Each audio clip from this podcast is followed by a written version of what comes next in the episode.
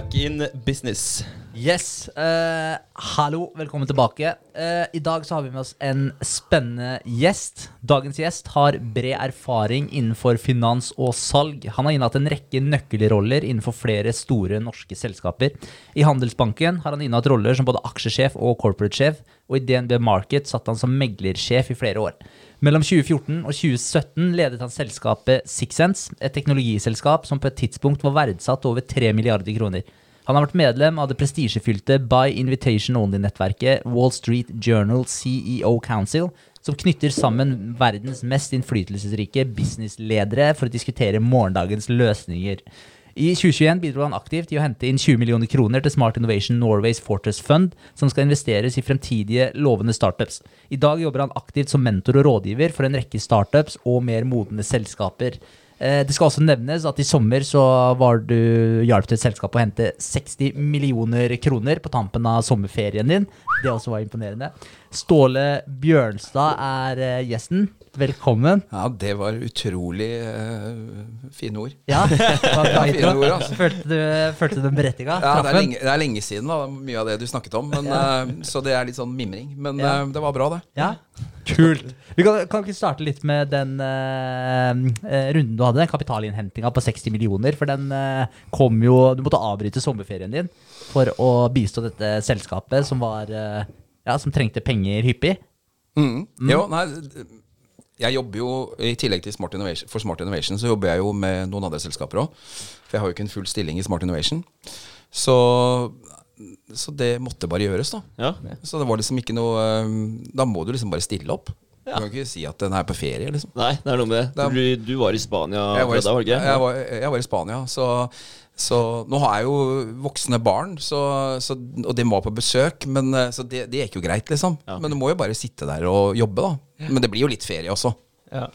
Du får, får liksom Du sitter ikke konstant på telefonen, men det ble mye, altså. ja. Du fikk må kose deg litt på kveldene, da. kose meg litt på kveldene. Ja, det, det er sikkert. Eh, og så endte det opp med at jeg reiste til eh, Los Angeles eh, for å besøke kunden etterpå. Så det var kult. Ja, så Ja. kult. Ja, så jeg var, jeg var der en uke og bodde i Beverly Hills. Ja, Det er helt rått. Det er det. Men altså, det skjedde jo utrolig fort. da Fikk du beskjed om det her mens du var på ferien, eller? Nei, jeg visste at, eh, at eh, det kanskje kunne skje. Ja. Jeg visste det, Men jeg visste jo ikke helt hvor mye arbeid det ble, og hvor, hva strukturen på transaksjonen ble. Så, så, så det ble litt sånn Det, blir litt sånn uh, Blir litt til mens du går, da. Så, så derfor så, så må du liksom prøve å være litt fleksibel. Må prøve å være litt kreativ uh, når du gjør sånne transaksjoner. Ja, ikke sant? Ja, for, for skal, du, skal du tjene 60 millioner, så er det litt mer enn eh, litt arbeid som skal til. Eh, så, det, så det å sitte i Spania Jeg fikk nøte litt vin på kvelden, og så henta jeg 60 millioner. Det er ganske imponerende. Det er ganske sprøtt. Eh, ja, ja, det er kanskje det, altså. Men, men jeg har gjort det mange ganger før, da. Ja. Eh, Enda så- mer imponerende. eh, Så, så, så det har jeg jo gjort, altså. Men, eh, men det var litt spesielt den gangen her. For jeg, det er jo en stund siden jeg har liksom vært så, så aktiv i, i, i den prosessen. Ja. Så jeg var litt rusten. Så jeg måtte liksom komme opp til speed. Ja. Hvor, hvordan hvor starter man da, liksom, når, eh, når man skal sette i gang den prosessen Nei, må jo ha en Altså, Man vet jo mål, målet. Man skal hente 60 millioner kroner. Så det er målet, og så har man en tidslinje. Og det er jo sånn å hente penger. Det er det flere som kommer til å erfare. Det er at det, du må ha en, en, en helt Du må ha fokus på når dette skal avsluttes. For, at det, for at hvis du ikke har det, så får du aldri det momentum inn i transaksjonen som, eh, som du vil. Altså, Da blir alle sittende og vente og Nei, men jeg kan snakke om det i morgen. Og liksom, eller neste uke eller uka etterpå der. Du må si liksom Nei, på søndagen da skal dette være ferdig. Og dette reguleres jo av Oslo Børsstillingsgrad òg, for dette er et børsnotert selskap. Så, så da må du bare Du må liksom bare gønne på, og så må du sette en, en stram tidslinje, og så må du jobbe knallhardt etter den. For da får du liksom det momentum, da, som vi sier, inn i, inn, i, inn i transaksjonen. Så liksom både jeg og selskapet og investorene skjønner at du, skal du være med på den, denne runden her, så må, du, så må du våkne opp nå. For alle andre er jo også på ferie. Ja, Så du må liksom få raskere dem ut av, eh, av solstolen og, og, og få dem til å, til, til å være med, da. Ja. Så det var, det var spennende. Spennende. Men uh, hvor starter du da med ringerunden? Altså, har du gamle kontakter uh, som du har, uh, ja, som du har knytta nettverk fra tidligere? Eller, altså, hvor starter du her? Nei, altså dette selskapet er jo kontrollert av eh, noen få aksjonærer som eier en ca. 45% så de, de var jo med. Så da sto det igjen med en, en bit der. eh, Og da har jeg jo snakket med aksjonærene i dette selskapet i to år. Viktig å, altså, det er viktig sånn i livet at man, eh, sånn som jeg opplever det, at man eh, at man klarer liksom å, å, å jobbe mot kontakter og relasjoner og, og, lignende uten å måtte ha noe tilbake hele tiden. Mm. For man må, liksom, man må liksom bygge en, en, relasjon, og så må man prøve å fortelle om at det selskapet gjør, og så må motparten stole på deg på, når, når, du ringer dem. Så det var veldig mye eksisterende aksjonærer, noen nye, som ikke var med som jeg holdt kontakten med, og som kanskje det føltes ikke meningsløst, for det er hyggelig å snakke med mennesker, mm. men akkurat for kapitalinnhenting i fjor så, så, føltes det kanskje litt som at disse kommer aldri til å, å, å være med på en emisjon i dette selskapet. Mm. Men så er det sånn, da. Så lager man seg en liste da, ut fra det. Og så tror man at den person A og person B vil være med. Men så plutselig får du Nei, jeg er ikke med den gangen her. Det kan jo være mange årsaker til det. Men fordi at du har en veldig stor gruppe, så er det alltid noen som kommer på som du ikke tror ville være med. Mm. Og så er det alltid noen som trekker seg, som du trodde skulle være med. Og i sum da så går det opp sånn cirka butt i butt, så da fikser du det likevel. Mm. Ja, ikke sant. Så, og så må du ha litt is i maven, altså. Ja, ikke sant. Du, men uh, det her betinger jo selvfølgelig at du har 100% troa på på det som skal skje i det selskapet som skal ha pengene også, selvfølgelig. Ja, det, det skjønner jo investoren med en gang. Ja. Hvis du begynner å vike litt, så da gidder de ikke. Det der leser de med en gang. Ja. Så du må jo um, i hvert fall så involvert som jeg er i dette selskapet, da, ja. så må jeg jo tro på det jeg holder på med. Mm -hmm. um, og så kan jo ikke jeg si at uh, Uh, å lage en sånn linje for de, i, hva, hvordan dette selskapet skal levere de, de, to nærmeste årene. Men jeg må jo prøve også å gi dem min, min beste Mitt, mitt, mitt, beste syn da, på mm. hva, hva, hva, som kommer til å skje. Ja. Nå er jo aksjen opp 20 da, siden vi gjorde emisjonen, så det, det, har vært en bra deal, det. altså. ja, ja, det er helt rått. Men må du presse dem litt? Føler du at du må gjøre det? Når du Ikke presse dem, for det, det der uh, det der er, er, liksom ikke sånn lenger. Men, men, du må presse dem litt på tidslinjen. Ja. Du må si liksom du, øh, Jeg skjønner at du skal snakke og tenke på det, og sånn, men du faktisk, nå går toget. Mm. Og da sier man jo da liksom at øh, de må ikke være stationmaster. Mm. Altså, de må ikke stå på perrongen og vinke togene forbi. Nei, For da, du, du, må liksom kaste deg på toget, liksom. Mm. Uh, så det er heller det å liksom realitetsorientere dem at uh, Realitetsorientere dem om at uh, på søndagen eller på fredagen så, så stenger vi, liksom. Mm. Og da, hvis du ikke er med da, så blir du ikke med i denne runden der. Nei. Mm. Ikke sant? Men, men, hvordan uh, den dialogen du har med dem altså, for du, Hvis ikke de er kjent med selskapet fra før, så må du selvfølgelig pitche selskapet. Men uh, ja, både òg. Nei, men altså, de kjenner selskapet til ja. en viss grad, altså. Det også, men det kan jo være nye altså, Jeg sa jo det at det var noen danske investorer som kom på her. Mm. Og de har jeg jo snakket med om dette selskapet de siste tolv månedene. Ja. Så de er jo kjent med selskapet, og de har liksom indikert til meg at uh, hvis dere skal hente penger neste gang, så har jeg lyst til å være med. Mm. Uh, uh, og det er jo fordi, kanskje, i hvert fall delvis, da, hvis ikke så all æren selv, altså jeg har prata med dem og liksom gitt dem min flavor av hva jeg, hva jeg tror. Og da får du betalt for det, da. Ja. Og, og, jeg tenker at, jeg tenker at i, i, i i alt mulig rart, så, så, så, så, blir man kanskje ofte veldig opptatt av at uh, det man gjør, skal man ha payback på med en gang. Mm. Ja, ja. Og, og, og, noe må man jo ha payback på med en gang, for man skal jo leve òg. Uh, eh, men noe kan man bygge langsiktig. Mm. Og da får payback over tid. Og da betyr det jo at da bygger man liksom en slags pipeline av investorer, da. Mm, som, ja. som man, man, kan ha der i framtiden. Mm. Så det er, litt, det er litt å være på den måten. Og sånn er det jo for meg å være Nå jobber jeg jo i Smart Innovation, uh, Smart Innovation men som konsulent tidligere du kan liksom ikke ringe en kar og så si at liksom, du har lyst til å kjøpe tjenester av meg, og så sier han nei, og så sier du dritt og dra, liksom. Da gidder jeg ikke snakke med deg lenger. Nei. For det kan jo være det tar tre, fire, fem måneder. Plutselig så ringer han tilbake etter ett år og sier du, jeg har et prosjekt for deg. Mm. Og det er det å bygge den der tilliten mellom mennesker og, og, og bygge den relasjonen over tid. Mm. Det, det er innmari viktig. Ja. Skynde seg langsomt. Det, vel, det går igjen i veldig mye, mye, egentlig. Ja, det gjør det, altså. Ja. Og, og uh, jeg, begynte, altså jeg var jo analytiker, uh, IT-analytiker, før jeg ble meglersjef i, i, DNB. Og da kjente jeg jo mange av kundene. Men jeg fikk jo ikke ordre før etter ni måneder, jeg heller, liksom. Du må, Nei, bare jobbe, du må jobbe Ja. langsiktig. Så det er liksom Det er in quick fixes. Altså, så det er viktig. Og, og i denne spesielle transaksjonen så hadde jeg allerede relasjon til dem. da Mm. ja. Hvordan uh, følger du dem opp uh, når de har, hvis de er litt på gjerdet? Altså, gir du dem en uh, deadline? Ha, pa, sørger du for å ha den deadline med en gang? Og, og gi dem den deadline med en gang, så de har noe å forholde seg til? Eller ringer du dem opp igjen og, og liksom forteller nå er status det og det? Og, Nei, Trenger jeg altså? gir dem en deadline. Ja. Det gjør Ja, jeg. du gjør det. Jeg gjør, gir en deadline. Ja. Nå var det sånn at uh, denne transaksjonen ble publisert på Oslo Børs på en torsdag. Eh, og så begynte vi på fredagen og lørdagen og søndagen og gjorde dette her. Og da visste jo de at hvis jeg ikke hadde fått svar innen søndag, så var de ikke med. nei, nei, ikke sant? Så, men det var masse forarbeid og sånn. Altså, og, og da hadde vi noen allerede inne som hadde, som hadde blitt gjort da, til det som kalles på Oslo Børs til innsidere. Altså de, de har fått vite om transaksjonen, men den er ikke publisert. Så de får vite om den og kan ikke kjøpe og selge aksjer i selskapet basert på den informasjonen. Så de hadde dekka opp en god del av dette her. Og så var det den siste biten da, som vi gjorde helt på slutten. Og da, da er det deadline. Altså. Ja, ikke sant? Spennende. Hva er den største misjonen du har vært med på? Hvor mye er det For Du sa du hadde gjort det her en del ganger før. Det husker jeg vel nesten ikke, men uh, Milliard i Tomra har jeg vært med på. Ja. Shit. Ja, Men det er mange år siden. Ja. Det var på slutten av 90-tallet, begynnelsen av 2000.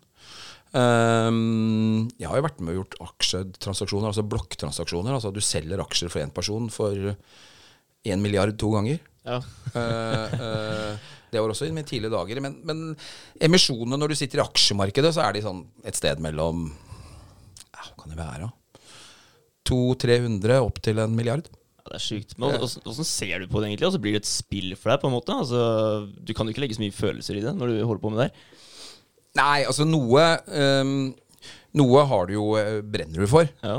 Uh, men eh, noe har du jo ikke det forhold til. Da er det jo bare en slags Jeg vil ikke si ordremottaker, altså, men da, da gjør du bare en rolle, og så ringer opp til, til de større kundene. Altså eh, institusjoner, f.eks.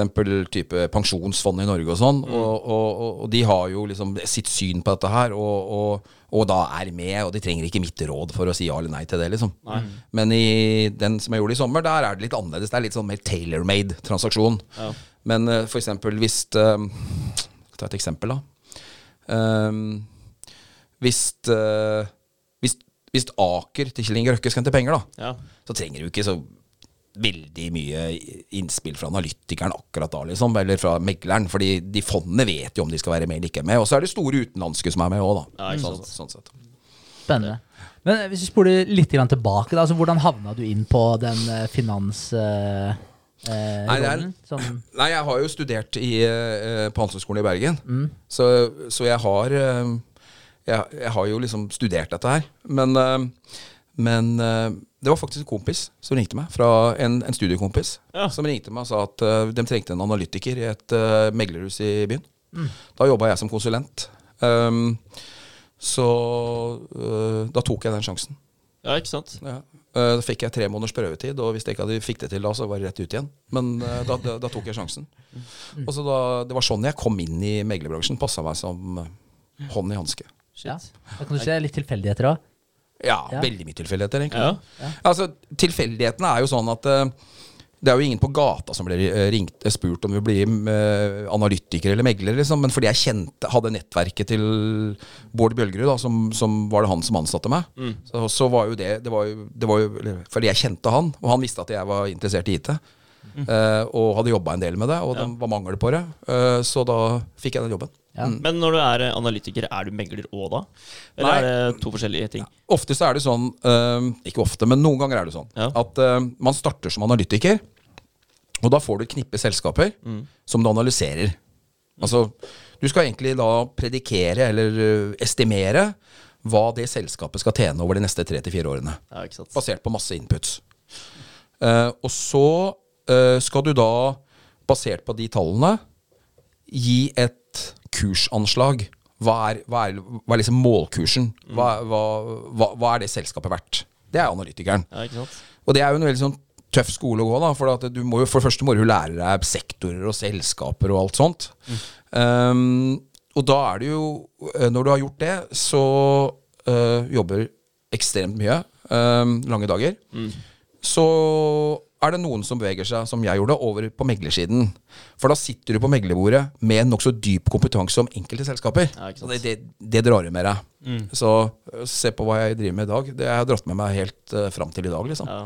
For det er en kompetanse, eller det er, det er noe du lærer, og det Det kan jo ingen ta fra deg. Nei. nei, Så, så noen, starter, noen starter rett på meglerbordet. Altså. Det er bare noen som er gudsbenådet til å, til å gjøre det. Men det er, det er jo mye kundebehandling, da.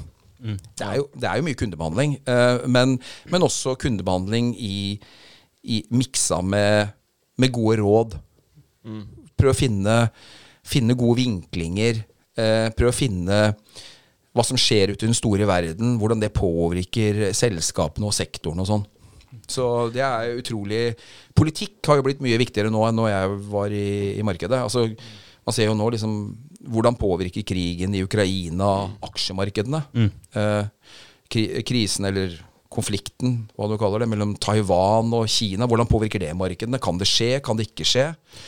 Eh, alt dette her må du ta inn i verdivurderingen av disse aksjene. Utspill fra, fra Trump, utspill fra han Elon Musk. Alt det her påvirker jo så Alt. veldig mye. Ja.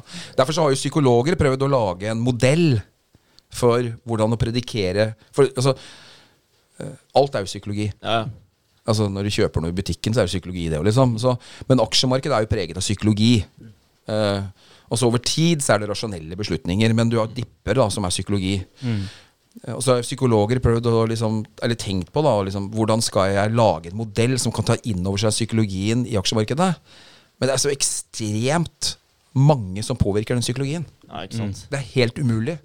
Så det må du ha en sånn feeling for. da Uh, hvordan den psykologien, uh, hvilken vei, altså markedspsykologien, hvilken vei den går.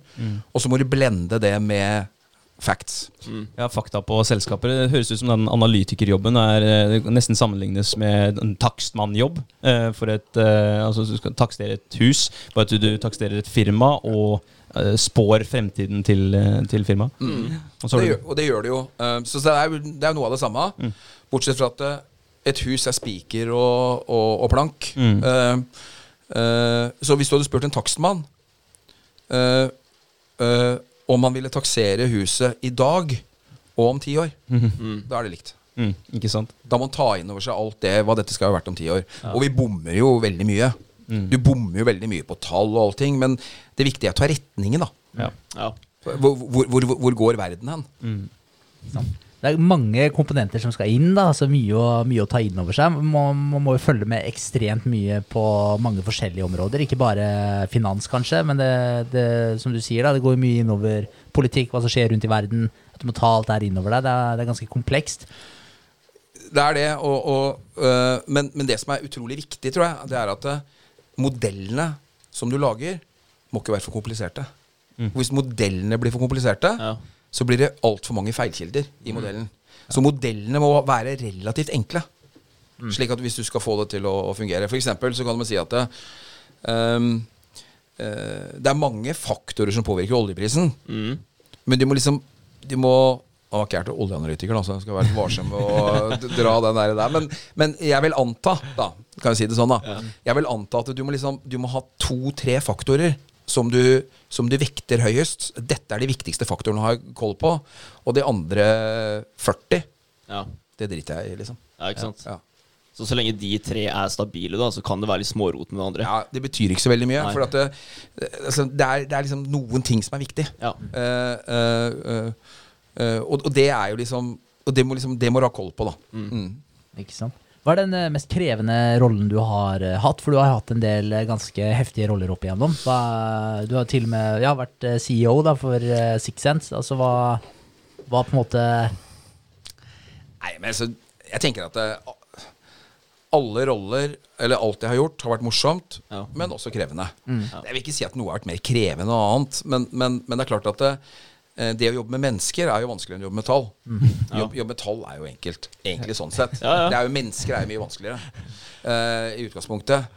Uh, eh, jeg sier jo alltid det at uh, i Norge så eh, eh, så, så er man veldig opptatt av at eh, man skal være veldig god i matematikk. Det er sikkert jævla viktig å være god i matematikk. Altså. Jeg skal ikke si det. Jeg er ikke noe god i matematikk. Eh, eh, men eh, det er jo bare to streker under svaret. Matematikk.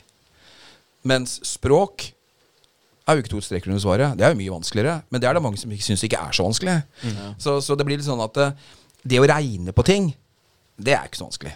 Det å regne, gjøre regnestykkene, det er å forstå inn, altså, eh, inputene i, i, i det du holder på med. Så jeg vil ikke si at det, det ene var vanskeligere enn det andre. Jeg tenker at det vanskeligste jeg gjorde i livet, det var når jeg starta på universitetet. Eller på, eller på Handelshøyskolen i Bergen. Det syns jeg var krevende. Ja. Jeg tenker på nå i dag, når mange studenter som begynner på universitetet. Det syns jeg var krevende. Det husker jeg som en krevende stund. Nå slutta jeg jo etter, etter tre måneder da, og tok en pause og begynte på nytt igjen året etterpå. Men, eh, for jeg syntes det var kjedelig. Ja, ikke sant? Så jeg kom tilbake til Handelshøyskolen etterpå. Ja, Jeg reiste til Libanon som FS-soldat. Oi. Ja. Ja.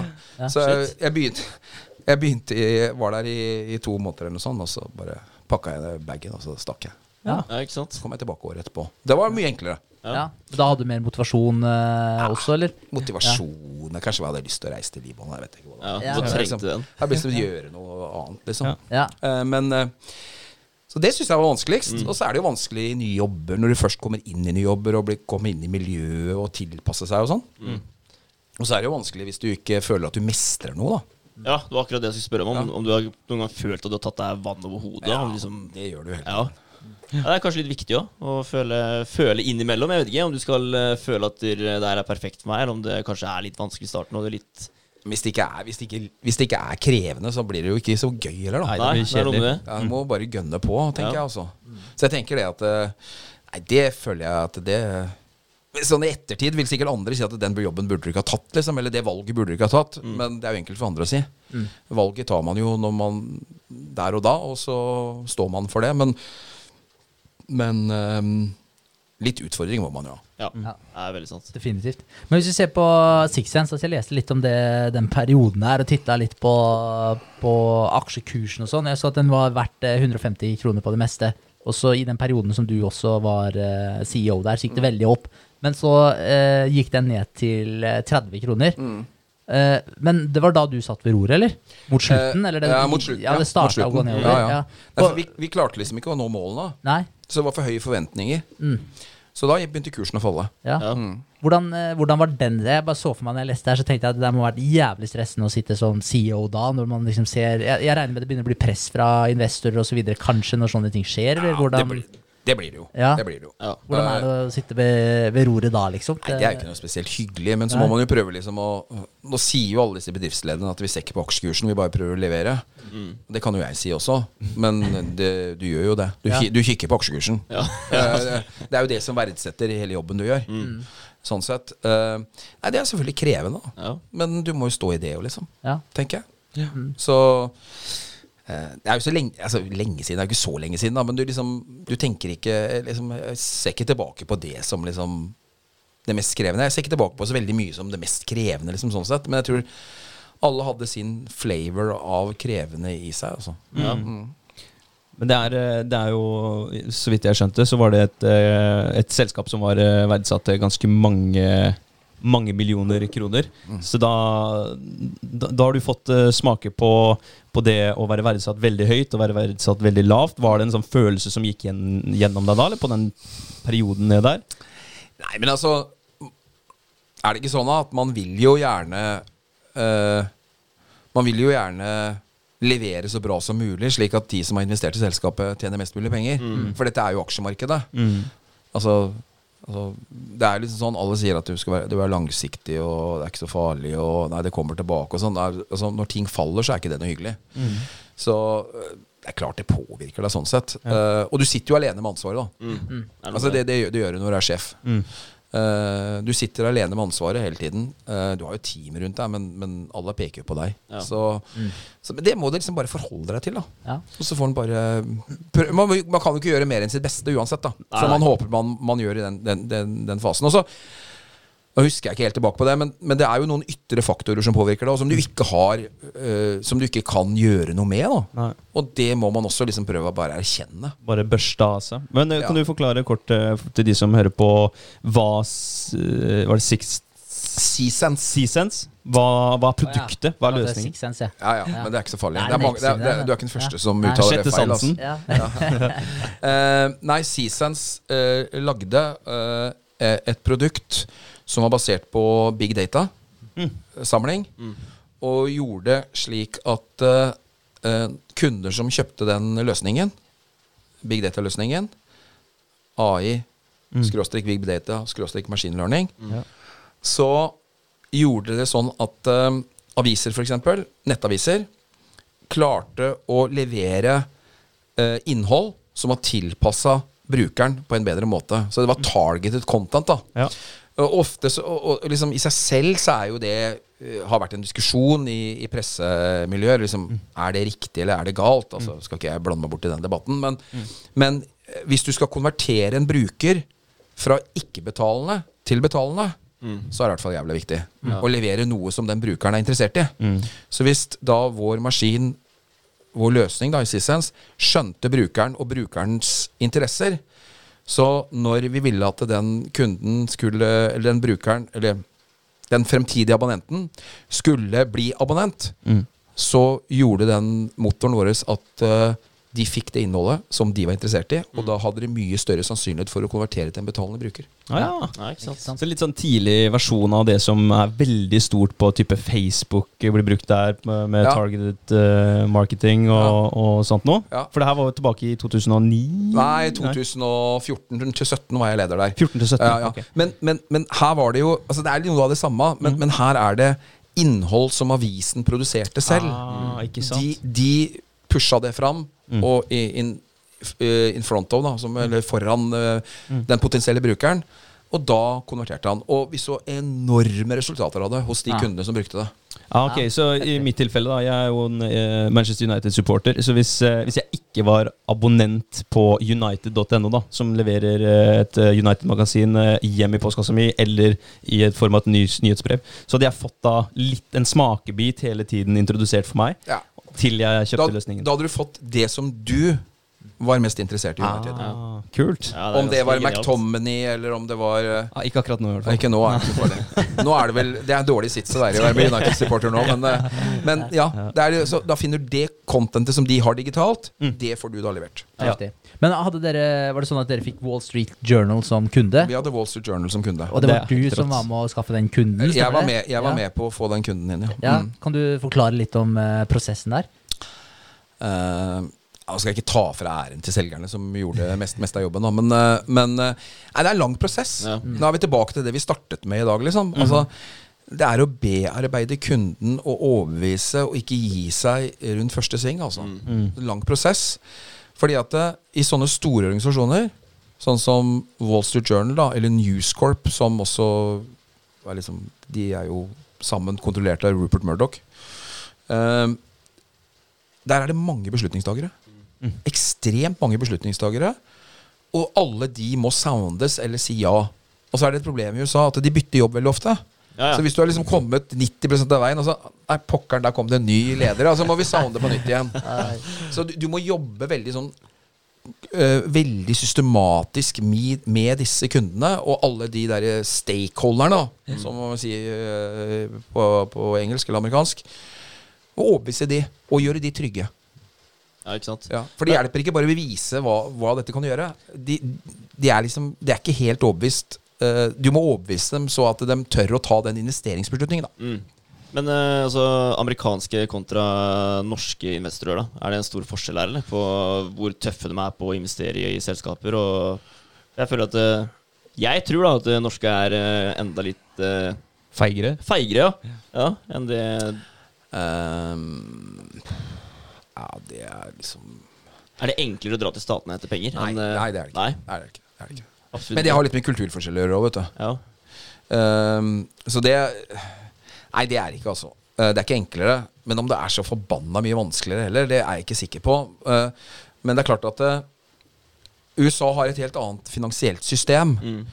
Uh, Det vil si at de har jo ikke De har jo ikke en folketrygd sånn som vi har Nei. der borte.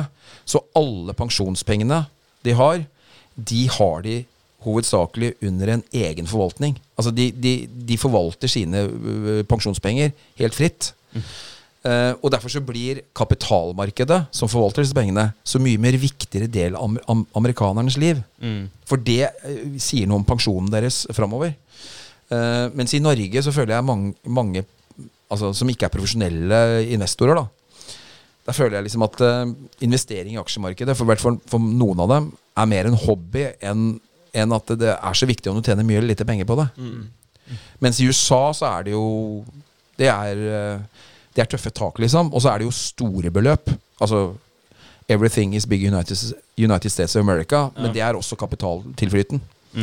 Så det blir litt annerledes. eh, men eh, jeg har reist på kryss og tvers i USA jeg, og presentert stories. Og, og framgangsmåten er den samme. Det er den, altså.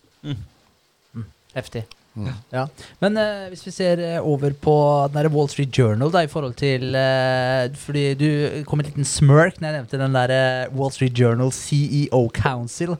Eh, hva, hva har du å si der? Altså, fordi som jeg forsto det, så var det veldig mange eh, Ja, hva skal jeg si? Litt eh, kjente figurer som er i det fora. Eh, ja, jeg var sikkert den minst kjente som møtte der, altså. Jeg vet, nei, men det var, det var veldig gøy. Det var veldig gøy, For det var jo Det var nok litt fordi at, at jeg ble invitert inn dit, for å si det sånn. Så var det nok litt fordi at vi hadde Wall Street Journal som kunde. ja.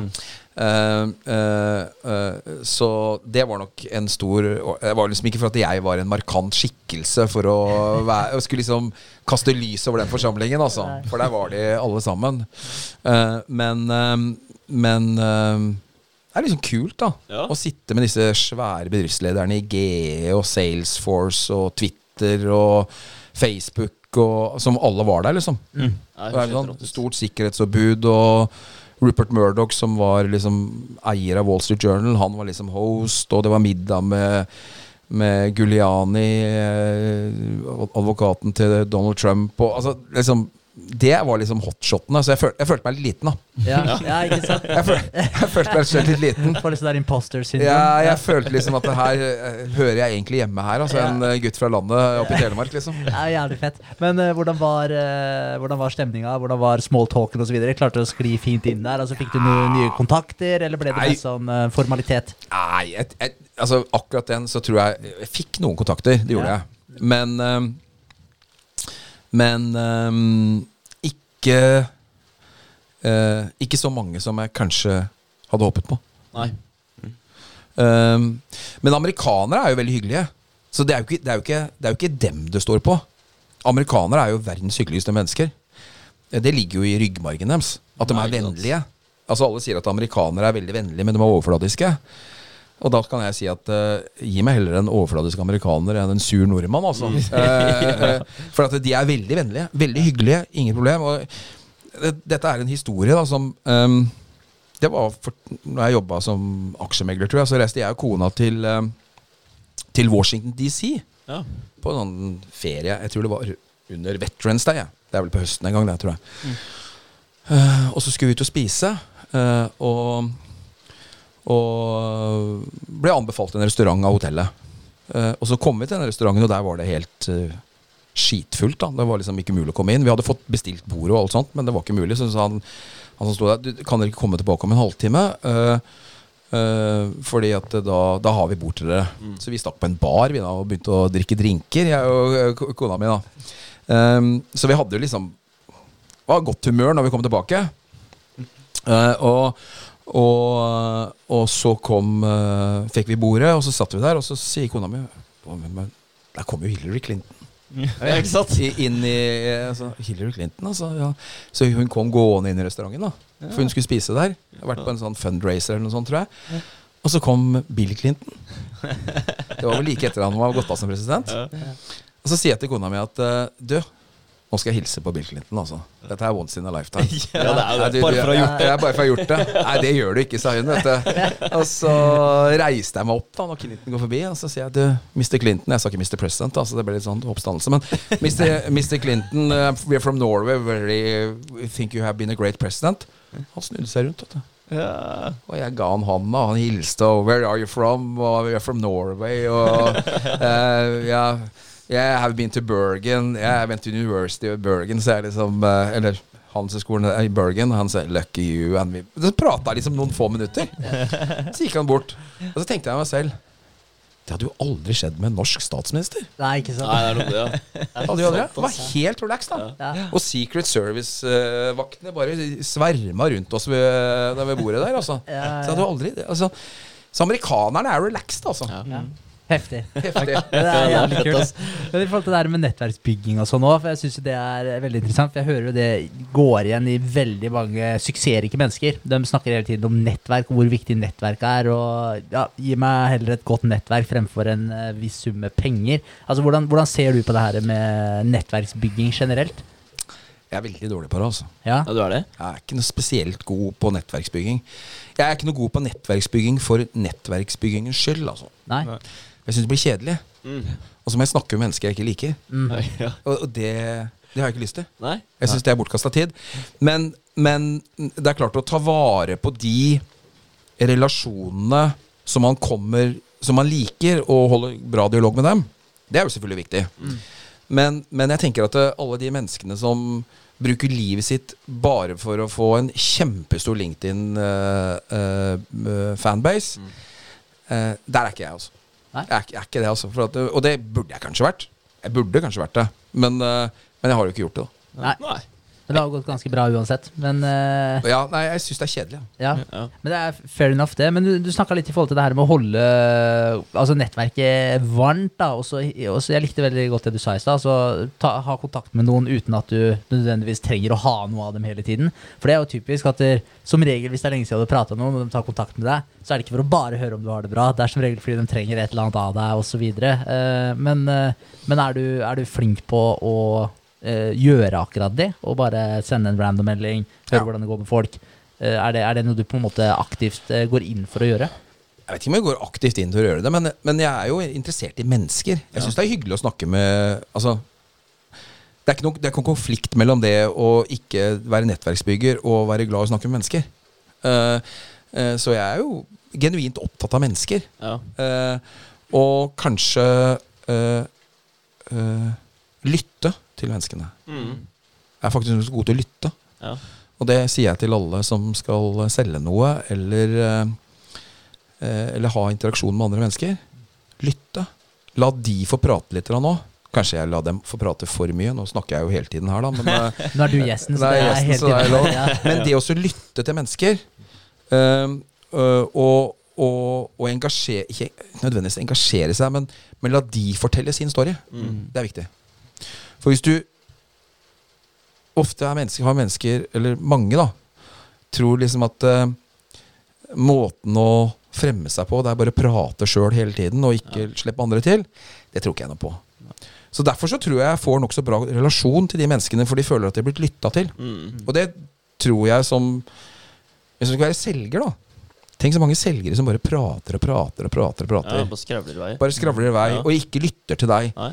Ja, men hvorfor pokker skal du høre på dem da? Du må liksom Du må komme De må, de må, ja, de må, de må ta mer hensyn og lytte. Og det tror jeg er en av mine styrker. Ja. Ja. Men det, det kommer jo godt med når du ikke er så glad i å bygge nettverk sånn for nettverkets skyld. Fordi det hadde vært slitsomt å hele tiden lytte til eh, masse folk du ikke liker. Ja, ja. Det hadde jo blitt utrolig slitsomt. ja, ja. Så hvis du er en veldig god lytter jeg, Men jeg, jeg er helt enig med deg, Ståle. Fordi jeg syns, er jeg er veldig glad i å snakke med mennesker. Men så fins det mennesker som rett og slett stjeler energi.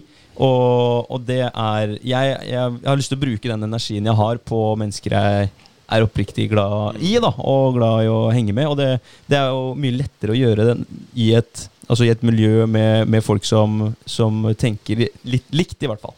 Tenker jeg. Uh, ja, og så tenker jeg at det, Hvis du Det blir jo sånn, da. Så har du Eller så har vi, da. Vi har noen gode venner. Og så har vi noen som uh, vi treffer gjennom jobben. Som vi, vi En amerikaner ville definere jobbkontakter som venner, men jeg ville definere dem som jobbkontakter, men som du har en god relasjon til. Og så har du jobbkontakter som du ikke har noen god relasjon til. Og så er du på øh, i Hemsedal, da. Og så har du med deg han ene kompisen som du er god venn med. Og så har du, treffer du kanskje han jobbkontakten som du liker, men du er ikke venn med han. Men så treffer du på han derre jobbkontakten som du egentlig syns er noe særlig. Mm. Da må du spørre deg sjøl hvem av de tre vil jeg bruke tiden min på? Du vil jo selvfølgelig bruke det med vennen din. Det er klart det. Men hvis du er på jobb, da må du kanskje bruke det på den jobbkontakten som du egentlig ikke syns noe særlig om. Men hvis du har fritid, Mm. eller du har tid til overs, eller du skal prioritere noe Du gidder jo ikke prioritere de menneskene som du egentlig ikke liker. Og det har jeg vært veldig bevisst. Som, Mm. som CEO for uh, selskaper, som sjef osv., jeg regner med du må ta noen uh, tøffe calls noen ganger. Du må kanskje Altså i forhold til også oppfølginga av, uh, av menneskene som jobber der. Du har jo mange som jobber under deg. Er det, Som CEO, da, har du, har du vært flink på å lytte der også? Har det vært en ting som du bevisst har gått inn for der, og lytte til de rundt der? Eller har du vært litt mer eh, Det her er på en måte eh, visjonen min for hvor jeg skal ta det her, og nå skal vi gjøre det på den måten her. Altså, altså Hvordan har på en måte approachen din vært der? Nei Jeg vet ikke. Uh, det er litt avhengig av hvor sterke personer du er rundt deg. da.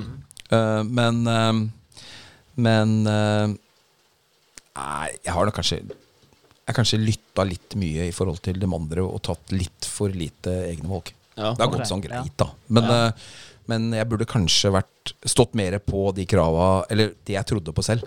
Og vært en, enda hardere på det. Nå er det ikke alltid det går, for det er jo et, eh, det er jo et, sam, et Om det er i, i DNB eller Handelsbanken, eller om det er i Seasense, eller hvor det er hen, eller om det er i Sinn, da. Så er det jo et vi, De bedriftene vi jobber i, eh, de har jo Det kan jo være motstridende eh, ikke, ikke strategier, men motstridende ønsker eller visjoner i bedriften. Så du må liksom være litt sånn taktisk der òg. Men uh, burde kanskje vært litt tøffere. eh, Sånn i ettertid på det jeg trodde på selv, og, og kjørt på Mm. på. Men du, det der blir jo litt sånn Ok, det kan jeg sitte og si nå. Men hva ville ha skjedd hvis de hadde gjort det? Det, det, det, det svaret har jeg jo ikke. Så det kunne jo vært at det hadde vært feil òg.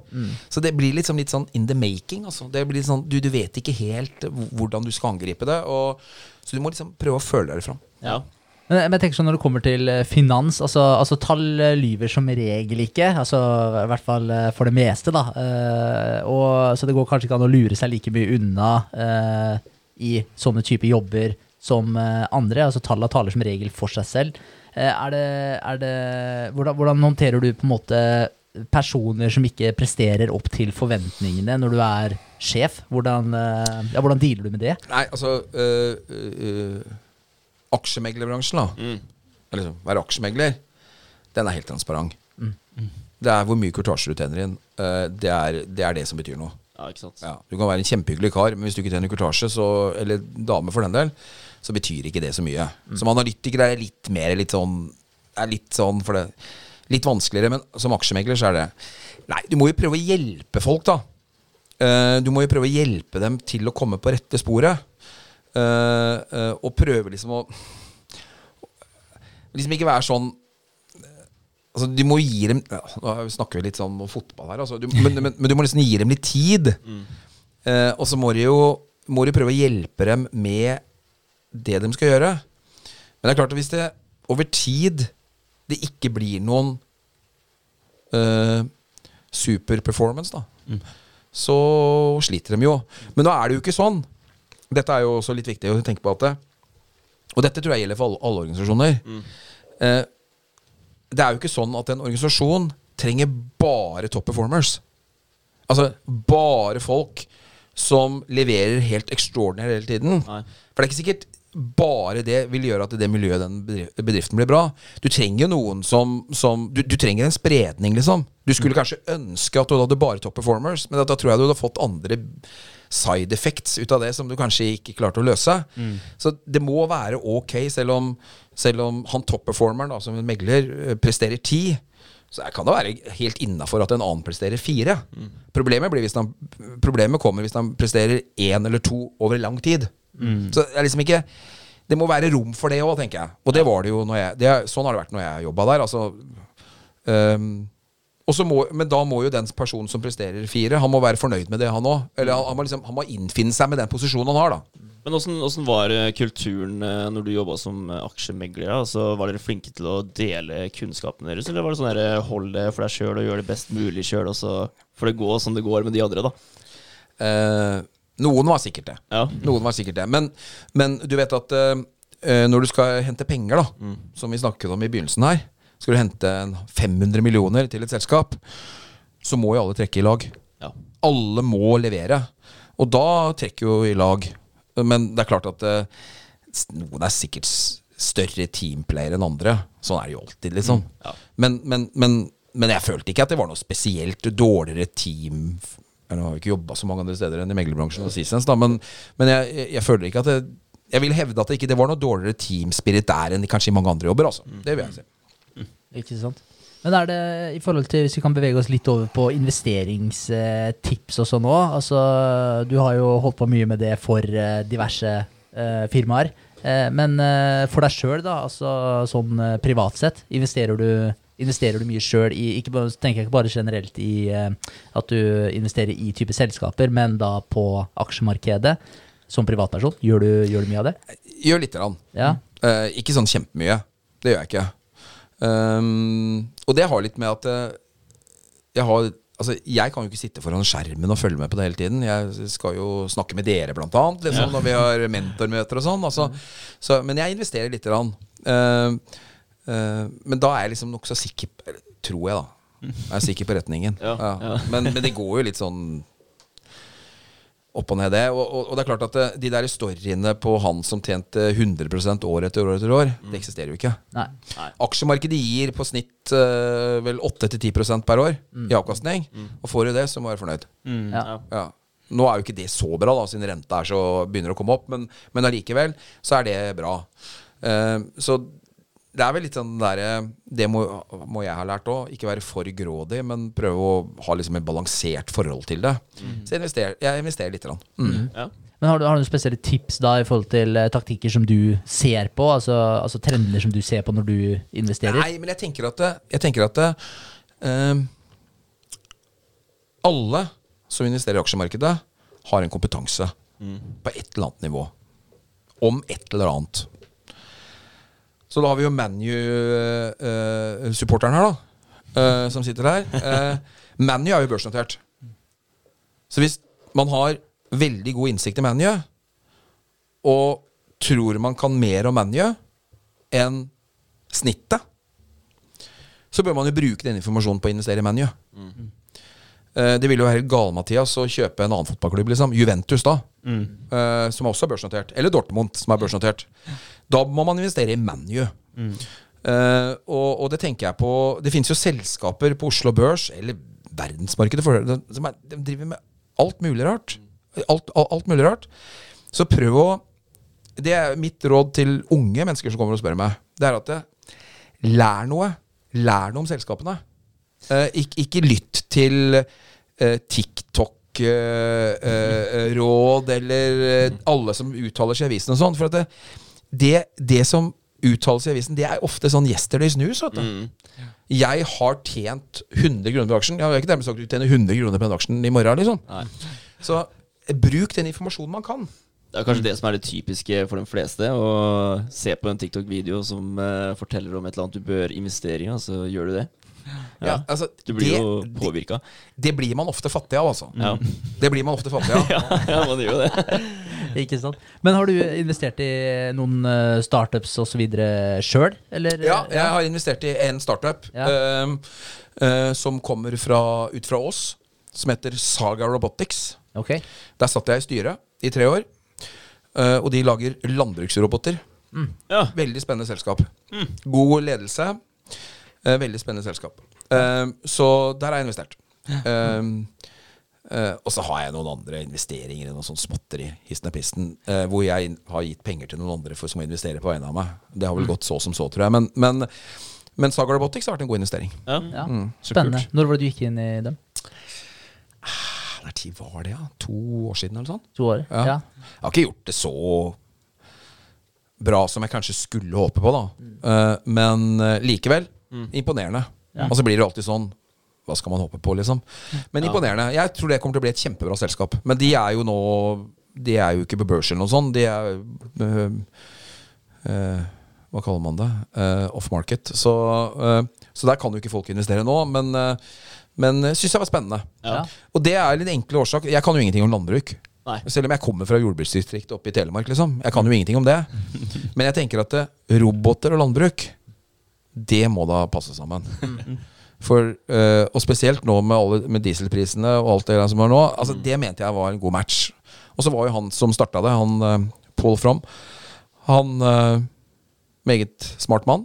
Og da er det bra kombo, tenker jeg. Ja, noe Ja, ikke sant? Ja, hvis man ser his historien på, på landbruket òg, gått fra, fra dyr, eller fra, fra håndarbeid dyr, og så over til traktorer og, og maskiner, så er vel roboter neste steg, Ja. høres det ut som. Nå kommer det jo bare mer og mer eh, selvkjørende traktorer osv. Broren min har investert i en eh, ny traktor for et par år siden. Og den er liksom sånn du setter deg bak rattet, og så, og så kjører du en rudder ut jordet bare for å mappe jordet ditt. Ja. Og så trykker du kjører, Jeg tror du kjører én lengde eller noe sånt. Så trykker du basically play, da.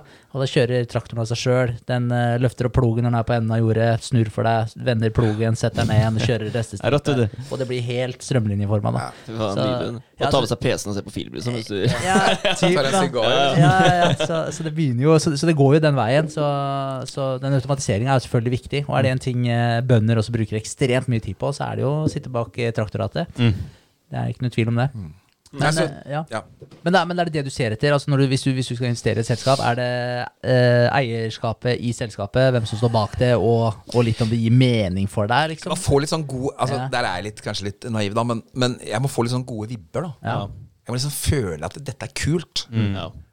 Altså Folk har jo tjent penger på eh, ikke de merkeligste ting, men de kjedeligste ting opp gjennom tiden. Altså eh, eh, kjøre søppel eller eh, altså, altså investering i, i, i renovasjon var jo hot for en periode, liksom. Men, men jeg må få litt sånn vibber rundt at dette syns jeg er litt sånn new age. Dette er litt sånn kult. Dette er teknologi. Eh, altså, få litt sånn godfølelsen rundt det. Ja, Vi snakka litt om det i stad. Det, det er jo mye er følelsesstyrt i markedet. Det er psykologi rundt det, og det må føles bra. Og det må kanskje eh, være attraktivt for deg på et eller annet sett. Da. Se på eh, tannkrem. Når det først kom på markedet, så var det jo eh, Det var ikke noe smak i det, men når de først Colgate og disse store her eh, tilsatte mint, så ble det plutselig veldig attraktivt. Da hadde det vært lurt å, å satte litt penger inn i det selskapet der. Altså, jeg tenker at det er litt sånn Jeg må bli litt sånn excited, da. ja. Det er liksom, og det tror jeg er liksom med alt jeg holder på med i livet. liksom Jeg må synes det er, jeg må liksom synes det er gøy. Ja. Har du, har du takka nei til å investere i et selskap som gjorde det bra etterpå, og som du angra på? da? Ikke, er det lov å spørre om? Ja, Ja, jeg, tenker, jeg har sett masse på. Shark Tank, og de takka nei til Ringbell eh, ja, ja, ja, ja. Husker du den? Ja. Uh. Eh, nei, um, skal vi se Du, det er helt sikkert. Ja. Det er helt sikkert, også. Det er helt sikkert. Men uh, jeg kan ikke nevne noen navn akkurat her nå. Det hadde jeg vel kanskje ikke gjort uansett, da men det er helt sikkert gjort, altså. Men du vet Innenfor startup-markedet så er det vel De fleste får det ikke til. Mm. Så risken for at du tar feil, den er jo forsvinnende liten. Uh, for at det, er, det er så få som Altså Mange blir bra, liksom, men det er få som kan levere den derre 100 ganger avkastning, liksom. For det er jo den vi alle ser etter når vi går i, i, i startup-markedet. Alle har lyst til å bli en Uber. Eh, men det er de færreste som blir. Unicorn er det man leter Ja, etter. ja, unicorn er det man vil ha. Og så være inne tidlig. Uh, Men de færreste blir sånn. Men det er mange selskaper som blir sånn ok, liksom. Uh, og det er jo ikke noe gærent i det. Som vi har snakket om før noen ganger, at liksom, det er jo ikke noe galt i å starte et selskap og tjene decent i Norge, liksom. Men alle vil jo bli store i USA. Og det er det færreste som blir. Ja. Ja. Det er jævla komplisert, altså, å bli stor i USA. Ja. Det er så, mange, det er så, det er så mye som er komplisert Ja. med USA. Og det er så mye som er komplisert med Japan og med Kina og med Tyskland og med Italia og Spania. Altså, det, er så, det er så mye. ja, ikke sant? Så, så, så det er ikke så ofte det, altså. Og så har ikke jeg vært så aktiv i dette startup-markedet før jeg begynte i Smart Innovation. Og det er jo bare to og et halvt, tre år siden, liksom. Ja.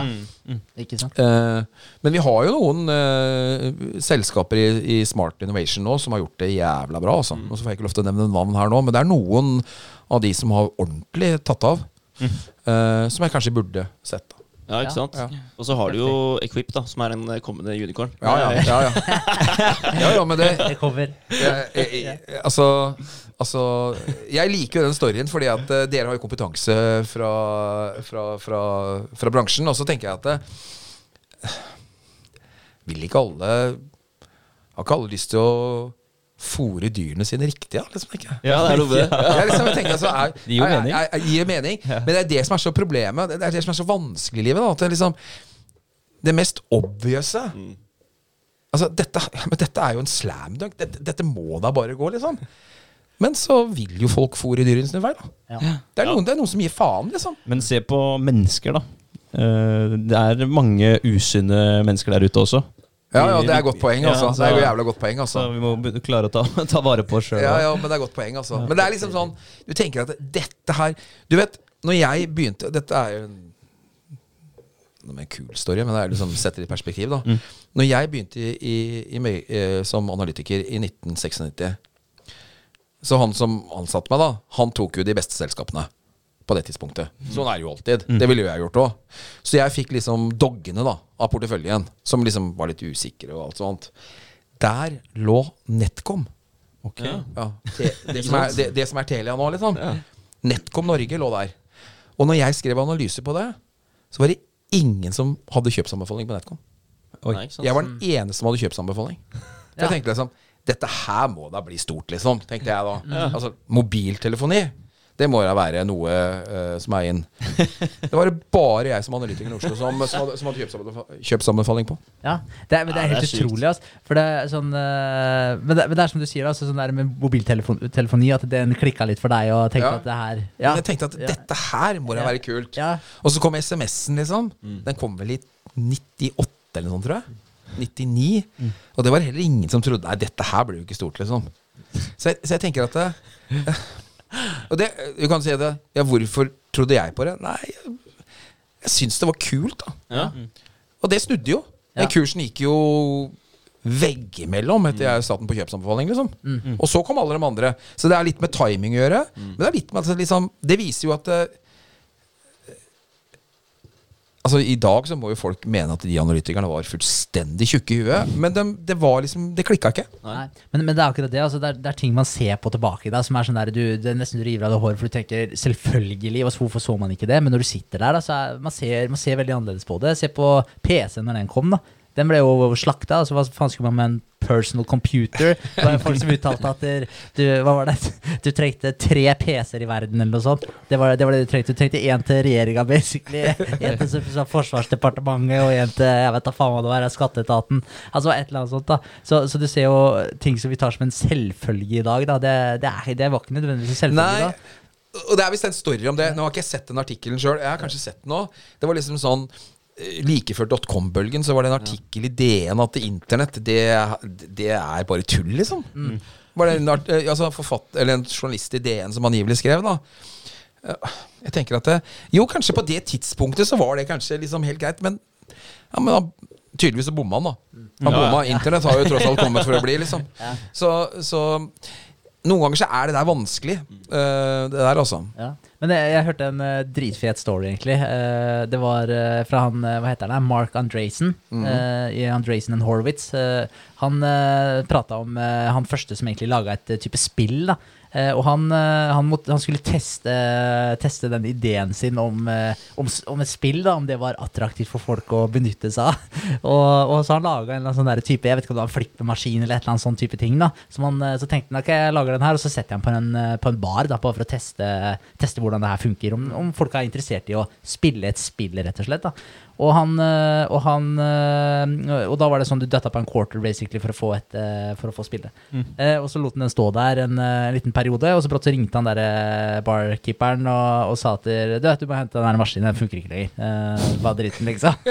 og, så, og så drar han ned der for å sjekke, da, og så fant han ut hvorfor han ikke funka lenger. da For han var jamma så full da, quarters at det, at det hadde seriøst herpa maskinen, da, så det var ikke plass til mer. Og da fant han ut at å faen, folk er faktisk gira på å spille, den greia, eh, spille der. Og så begynte de etter hvert å utvikle eh, spill på PC og så videre. Men greia, det var ikke noe selvfølgelig at folk hadde lyst til å eh, spille spill på PC, liksom. Og da kan man jo tenke igjen, i dag, da.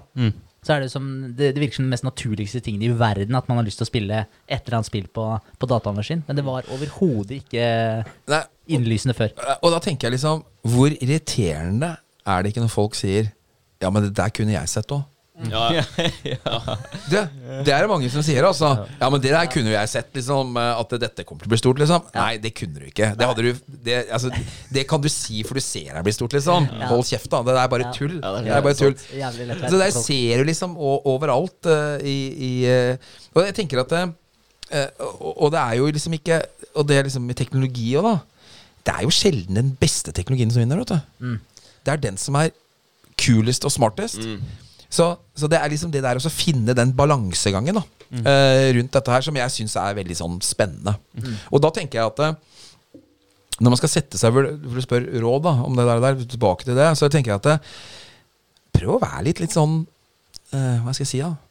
Prøv å sette deg, deg selv inn i den situasjonen hvis du hadde vært bonde, liksom, med Saga Robotics, da. Eller hvis du hadde vært eh, hesteeier, eller hvis du hadde gjort ditt eller datt. Ville du brukt, brukt det? Hva, hva, hadde, hva, hadde, hva hadde skjedd? Eller hvilke argumenter har du for å bruke det? Hvilke argumenter har du mot å bruke det? liksom? Må prøve å sette deg inn i den situasjonen. Da får du kanskje et svar. Og så hvis du sier ja, men dette her er jo slam dunk, dette kommer til å gå til himmels. Ok, så kjøp, da. Ja, ikke sant. Er det, i- I forhold til Altså, du er jo eh, en analytiker, så åpenbart, hvis du skal gjøre en sånn type investering, så, så er det jo Så analyserer du litt, regner jeg med. Men eh, lytter du mye til eh, magefølelse eller intuisjonen din? Altså Spiller det noen rolle i avgjørelser du tar, eller prøver du å basere deg kun på fakta? Ehm, nei, det blir mye magefølelse. Ja. Ja. Det blir det, vet du. Du vet at den beslutningen som har mest i blanda mage, øh, Som er mest basert på magefølelse Dette er jo liksom litt spesielt. Uh, det er når du finner en partner. Ja. Du går opp til en bar, og der finner du en som du har lyst til å dele livet ditt med. Og så bare bang, gjør det. Og det, du tenker ikke da på at Oi, denne partneren skal jeg leve kanskje 70 år med, liksom. Du tenker ikke på det. Du, du, du, bare, du bare går for det, liksom. Eh, Så det er det mest outrerte, liksom. Altså, det er jo ingen som analyserer det der, liksom, til og fra.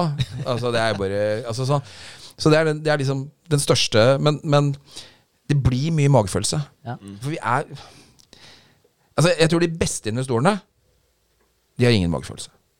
De beste, de, de som blir ordentlig rike, de som blir, tjener milliarder, de har ingen magefølelse. Nei, du tror ikke det? Nei, Nei? tror jeg ikke. Ah, ok. Det er ren, ren kjempehard eh, vurdering. Ja. Om, om kona har kjøpt aksjer dagen i forveien, og da, de selger dagen etterpå selv om det. De, de, har, de har ingen følelser i forhold til det. Dette er kjøp og salg og tjene penger. Men det er de færreste. De fleste har den magefølelsen med seg. Ja. Men jeg tenkte jeg hørte en, en eh, Jeg prata med en eh, kar for ikke så altfor lenge siden. Han nevnte litt, og da snakka vi om det her med intuisjon og magefølelse og sånn. Og så sier han altså Sånn jeg tenker på det, altså intuisjon det er jo en trait vi har, og den har jo på en måte blitt med oss eh, sånn evolusjonsmessig. Så han tenker jo i forhold til at det, det er åpenbart de som har hatt en god intuisjon, som også overlever i dag. Altså, for det er jo en trait vi har med oss. Så han var litt sånn at der, Ja, lytt litt uh, til magefølelsen. Stol litt på den, men selvfølgelig ikke hoppe blindt i ting. da. Men, uh, men det er jo et litt interessant uh, syn på det, det òg. Ja, og så tenker jeg det at hvis man skal analysere alt i livet like grundig For det er jo noen som analyserer så mye, dem finner du jo òg, som aldri får tatt en beslutning i hele sitt liv. Ja, ikke sant? Det blir gæren. Det blir gæren, Ja. Det er for og imot, for og imot. For imot. Ja, men kjøp, da. Nå er vi tilbake til aksjer, da. Bare bruke det som eksempel, men det er jo mange ting i livet. Nei, bare kjøp det, da. Nei, jeg må analysere litt til. Og så går bare toget, liksom. Eller så Altså så, så, Og, og han, den, han eller henne, de koser seg over liksom at de ikke var med på nedturene. At de Ja, ikke gikk sant? ned. Ja. Men de snakker jo aldri om de oppturene de gikk glipp av, liksom. Nei, ikke sant. altså, det, det er jo liksom Det er jo sånn klassisk. Så um, jeg, jeg tror liksom at eh, eh, Du må ta litt på hæren, altså. Ja. Litt magefølelse og litt på liksom gefühlen. Altså. Dette, det, dette tror jeg på. Ja. Det tror jeg på. I alt i livet, egentlig, tenker jeg. Ja, Nei, men det er, eh, det er nok et eh, godt tips. Du har et veldig, veldig godt poeng, i hvert fall det når man eh, velger ut partneren sin. Det bør jo selvfølgelig da være mutual, en mutual agreement, da. Men, ja, men Ja, det, er, eh, det er mye magefølelse som spiller Ja, det er liksom Derfor er skilsmisseraten på 50 òg. ja, Ja. er Eller kanskje den ikke er det nå i Norge, men uh, det er jo høy, i hvert fall. Ja, jeg har hørt den er det. Og det er jo Det, det synes jeg Det er jo helt sinnssykt. Det er, det er mye, da. Det, Ja, men det Ja. viser at eh, ja, magefølelse funker ikke Nei. hele tiden. Da, det er liksom det. Men, men, men, men det er jo liksom det at det, jeg, jeg tror liksom Det er bare akkurat der så er det ingen som tenker altså, tenker bare Det er sikkert noen blant oss som gjør det, men jeg gjorde, gjorde det i hvert fall ikke når jeg traff kona mi. Men jeg er jo gift med henne fremdeles, da, så det er bra. ja, ja, da åpenbart den taktikken uh, funka, da. Men eh, Hun var jo heldig, da. Ja, ja, ja, kanskje det. Ellers hadde jeg en veldig god, uh, veldig god intuisjon. da. Men, uh, men jeg tenker jo litt altså, sånn som på et uh, forhold også. da Jeg tenker jo litt på samme måte som eh, uansett hva man driver med, om det er et selskap du holder på med, eller hva det måtte være. da Problemene, altså Fjern, ta, deal med de store problemene først. Ikke bare skyv dem under teppet. Men jeg tenker også det med de små problemene som dukker opp òg. At man faktisk, hvis man dealer med dem med en gang og ikke lar dem vokse seg for store, så kommer man jo veldig langt. Eh, hvis man skyver, fortsetter å bare mate det under teppet, så vil det vel komme og bite deg i ræva til slutt. Ja, og så tenker jeg det at uh, i et arbeidsforhold eller i et ekteskap, da, eller hva det nå er, eller vennegjeng, så vær litt large, da. Vær litt large. Altså, vær litt large med liksom at eh, Ok. Um, altså Det som irriterte meg mest når jeg, når jeg jobba som Jeg var vært revisor en gang i tiden. Um, like etter skolen. Um, eh, det var jo to mørkeste årene av mitt liv, altså, for det var, det var forferdelig å være. Men, eh, men, men, det, men det som irriterte meg mest, det var når jeg hadde laga noe, og så fikk jeg den tilbake, retta av den som var over meg, da. Og liksom hadde retta på, flytta Flytta en, en setning opp eller ned. Liksom sånn Helt sånn marginale endringer. Tenker jeg at det, det var liksom sånn Det var aldri godt nok, liksom. Altså, give a fuck, altså. altså bare, bare gi Bare la, let it go. Det betyr jo ingenting for den, den, den jobben jeg skal gjøre uansett. Så vær litt sånn vesentlighet i forhold til hva det som skal løses. Så, så, og, eller i vennekretsen, eller litt sånn, så, så har de en tendens til å gå seg til. Da. Så vær litt large med hverandre, tenker jeg. Man har en tendens til å liksom henge seg opp i sånne småting. Og så la det bli til store ting. Sånn Ja. i, I hvert fall i, i forhold. da At man uh, hele tiden ja, blir Vi har snakka mye om det på poden her. Blir et offer for de der uh, tinga man egentlig ikke kan gjøre så mye med der og da. Om det er vær, eller om det er at søppelkassa er full nå igjen, eller hva det måtte være. Og så tenker jeg at det, det er hardt arbeid. Det ekteskap og å være venn og, og drive et uh, suksessfullt ek, Nei, ikke ekteskap, men en bedrift da som gjør det bra. Så der er det jo noen likheter. De som gjør det bra i en bedrift, det ligger ganske mange timer bak den bedriften. Det samme gjør det med ekteskapet også. Det er mange timer hvor man har, man har dedikert kvalitetstid da, med hverandre, og ikke Ja. kval, ø, kvantitetstid, hvor man bare er sammen, men man, man faktisk gjør noe sammen. Da. Det tenker jeg. Nei, godt, godt poeng, altså. Godt poeng. Mm, definitivt. Men det er litt kult, den der offerrollen den eh, har vi snakka en del om, og, og det er noe jeg har blitt veldig bevisst på, på sjøl, i forhold til det der med å ikke bli ja, hvis du, hvis du, som du sier da, hvis du bare ser sånne småting som at søppelet er full, da, og du tenker kanskje «Æ, faen, det burde hun ha tatt ut i, til morgenen i dag, liksom. Så er det sånn, men sånn, faen, ta, ta den ut du, da. Ikke irriter deg over det. Fordi det, det skader deg jo mer at du irriterer deg over Ja, det, at du bare tar det ut. Og det er large, er det ikke det? Jo. Tenk også være litt sånn Ja. Ja. Ja. betyr det, altså jeg tenker at det, jeg tenker at det liksom uh, Nei, jeg tenker at det, vi er veldig gode til å bry oss om sånn småting. Så glemmer vi liksom de store linjene. Yes. Altså, det betyr jo ingenting, altså. Nei, det er sant. Uh, tenker jeg, da. Ja. Uh, jeg har blitt flinkere med det åra, tror jeg. Ja. Ja. ja, men det merker jeg at jeg også blir flinkere på. Sikkert en lang vei å gå her òg, som, med- som med mye annet. Men, uh, men det, det som jeg merka òg, var altså når- vi på en måte også satte oss ned og begynte å sette litt større ambisiøse mål i livet, så merka jeg at alle de tingene den ble, den ble irrelevante. da, Sånne småting som det der eh, tullet der, da blir irritert for noe sånt nå. Det, det er liksom altså det, er, det er som du sier, det er ikke så viktig lenger. Altså Hvis man har det store overordna målet sitt, så så er det den søppelkassa som er full, den, den har ingenting med det å gjøre. da. Det er bare små sånne Tenk, Det er bare gjør det. Ja. tenk, tenk på, og jeg er helt enig med deg, og så tenker jeg at eh, Tenk på øh, Spesielt på barne- og ungdomsskolen. Tenk hvis lærerne hadde vært litt mer large i klassesituasjonen. Altså litt mer. Jeg skal ikke slippe helt løs og det blir fullstendig mayhem, altså. Men litt mer large. I forhold til hvordan de mener at eh, elevene skal oppføre seg, 30 stykker, og kontra hvordan de er. De er jo 30 blenda Altså det er, det er, det er liksom 30 forskjellige individer. Tenk så mye problemer de har blitt kvitt. Ja. Tenk så mye Ja. Tenk så mye Tenk så mye bedre skolehverdagen hadde blitt om de hadde liksom Leksa av lite Ja. Tatt det litt mer med ro. Ikke mye, bare lite grann. For tenk så mye rare eh, beskjeder jeg har fått på foreldremøte om ungene mine. Liksom. Altså, ja, men du Give me a break, da. Altså, jeg var på et foreldremøte. Det var eldste dattera mi. da Det var på åttende klasse på jeg tror åttende klasse. På barneskolen, da. Nei, på ungdomsskolen. Og så sier jeg ja, ok, det går bra, ja. Ja, det går bra. Ja, bra. Um, ja, hva Hva er det hun kan bli bedre på, da? Så jeg liksom, for Han sa jo ingenting, ja, læreren satt jo helt taus, liksom. Så sier han Nei, det er jo ikke så mye. Det går veldig bra. Hun kunne kanskje hatt det litt, litt mer ryddig på pulten sin. Altså, han altså, er, er det det eneste du sier? Er liksom, hvor, hvorfor nevner du det, liksom? tenker jeg da. Og da tenker jeg liksom Og det er litt sånn, vi tar med oss det i resten av livet. liksom Vær litt large. Ja. Ja, ja, det er, eh, det er definitivt Jeg skal ikke disse lærerne. Læreren gjør en kjempejobb også, men, men, eh, men, eh, hatt, no, hatt noen, noen konflikter der, ja. Men, men med skole, skolesystemet det er jo ikke akkurat lagt opp for frihet heller. Det, er ikke, det er jo ikke lagt opp for individet sånn sett. Det er jo en uh, gruppe som skal uh, formes litt for å gjøres klar for arbeidslivet. Det er jo litt sånn det er lagt opp. Ja, ja, det er det. Altså. Ja, så, og det har sine hva skal jeg si, fordeler og ulemper. Fordeler og Om man kan ulemper. si det på Ja, den ja, måten. ja. Eh, men jeg tenker sånn der offerrollen nå, da. Er det, er det noe du uh, har tenkt og vært bevisst over eh, tidligere? I forhold til å ta på seg den derre offerhatten, altså i stedet for å ta eierskap da, for, for alle Nei, det har jeg helt sikkert. Ja. Det har jeg helt sikkert. Altså, det er jo helt sånn uh, innlysende. Altså, det, det har jeg helt sikkert. Men uh, Men prøver, da. Tenke over det. Eh, men jeg er helt sikkert Altså. Jeg kan ikke liksom sitte her og si jeg ikke har gjort det. Da, er liksom, da, da, da, da ljuger jeg. Men, eh, men eh, jeg blir kanskje blir flinkere med, med åra. Altså. Jeg føl- føler det kommer litt med, med åra, når, man, eh, når man blir litt mer moden og man, man tenker litt Som eh, Henrik sa, da. De der langsiktige tinga. Det er så mange sånne små bagateller som ikke har noe å si for det store bildet, som vi skal alltid henge oss opp i.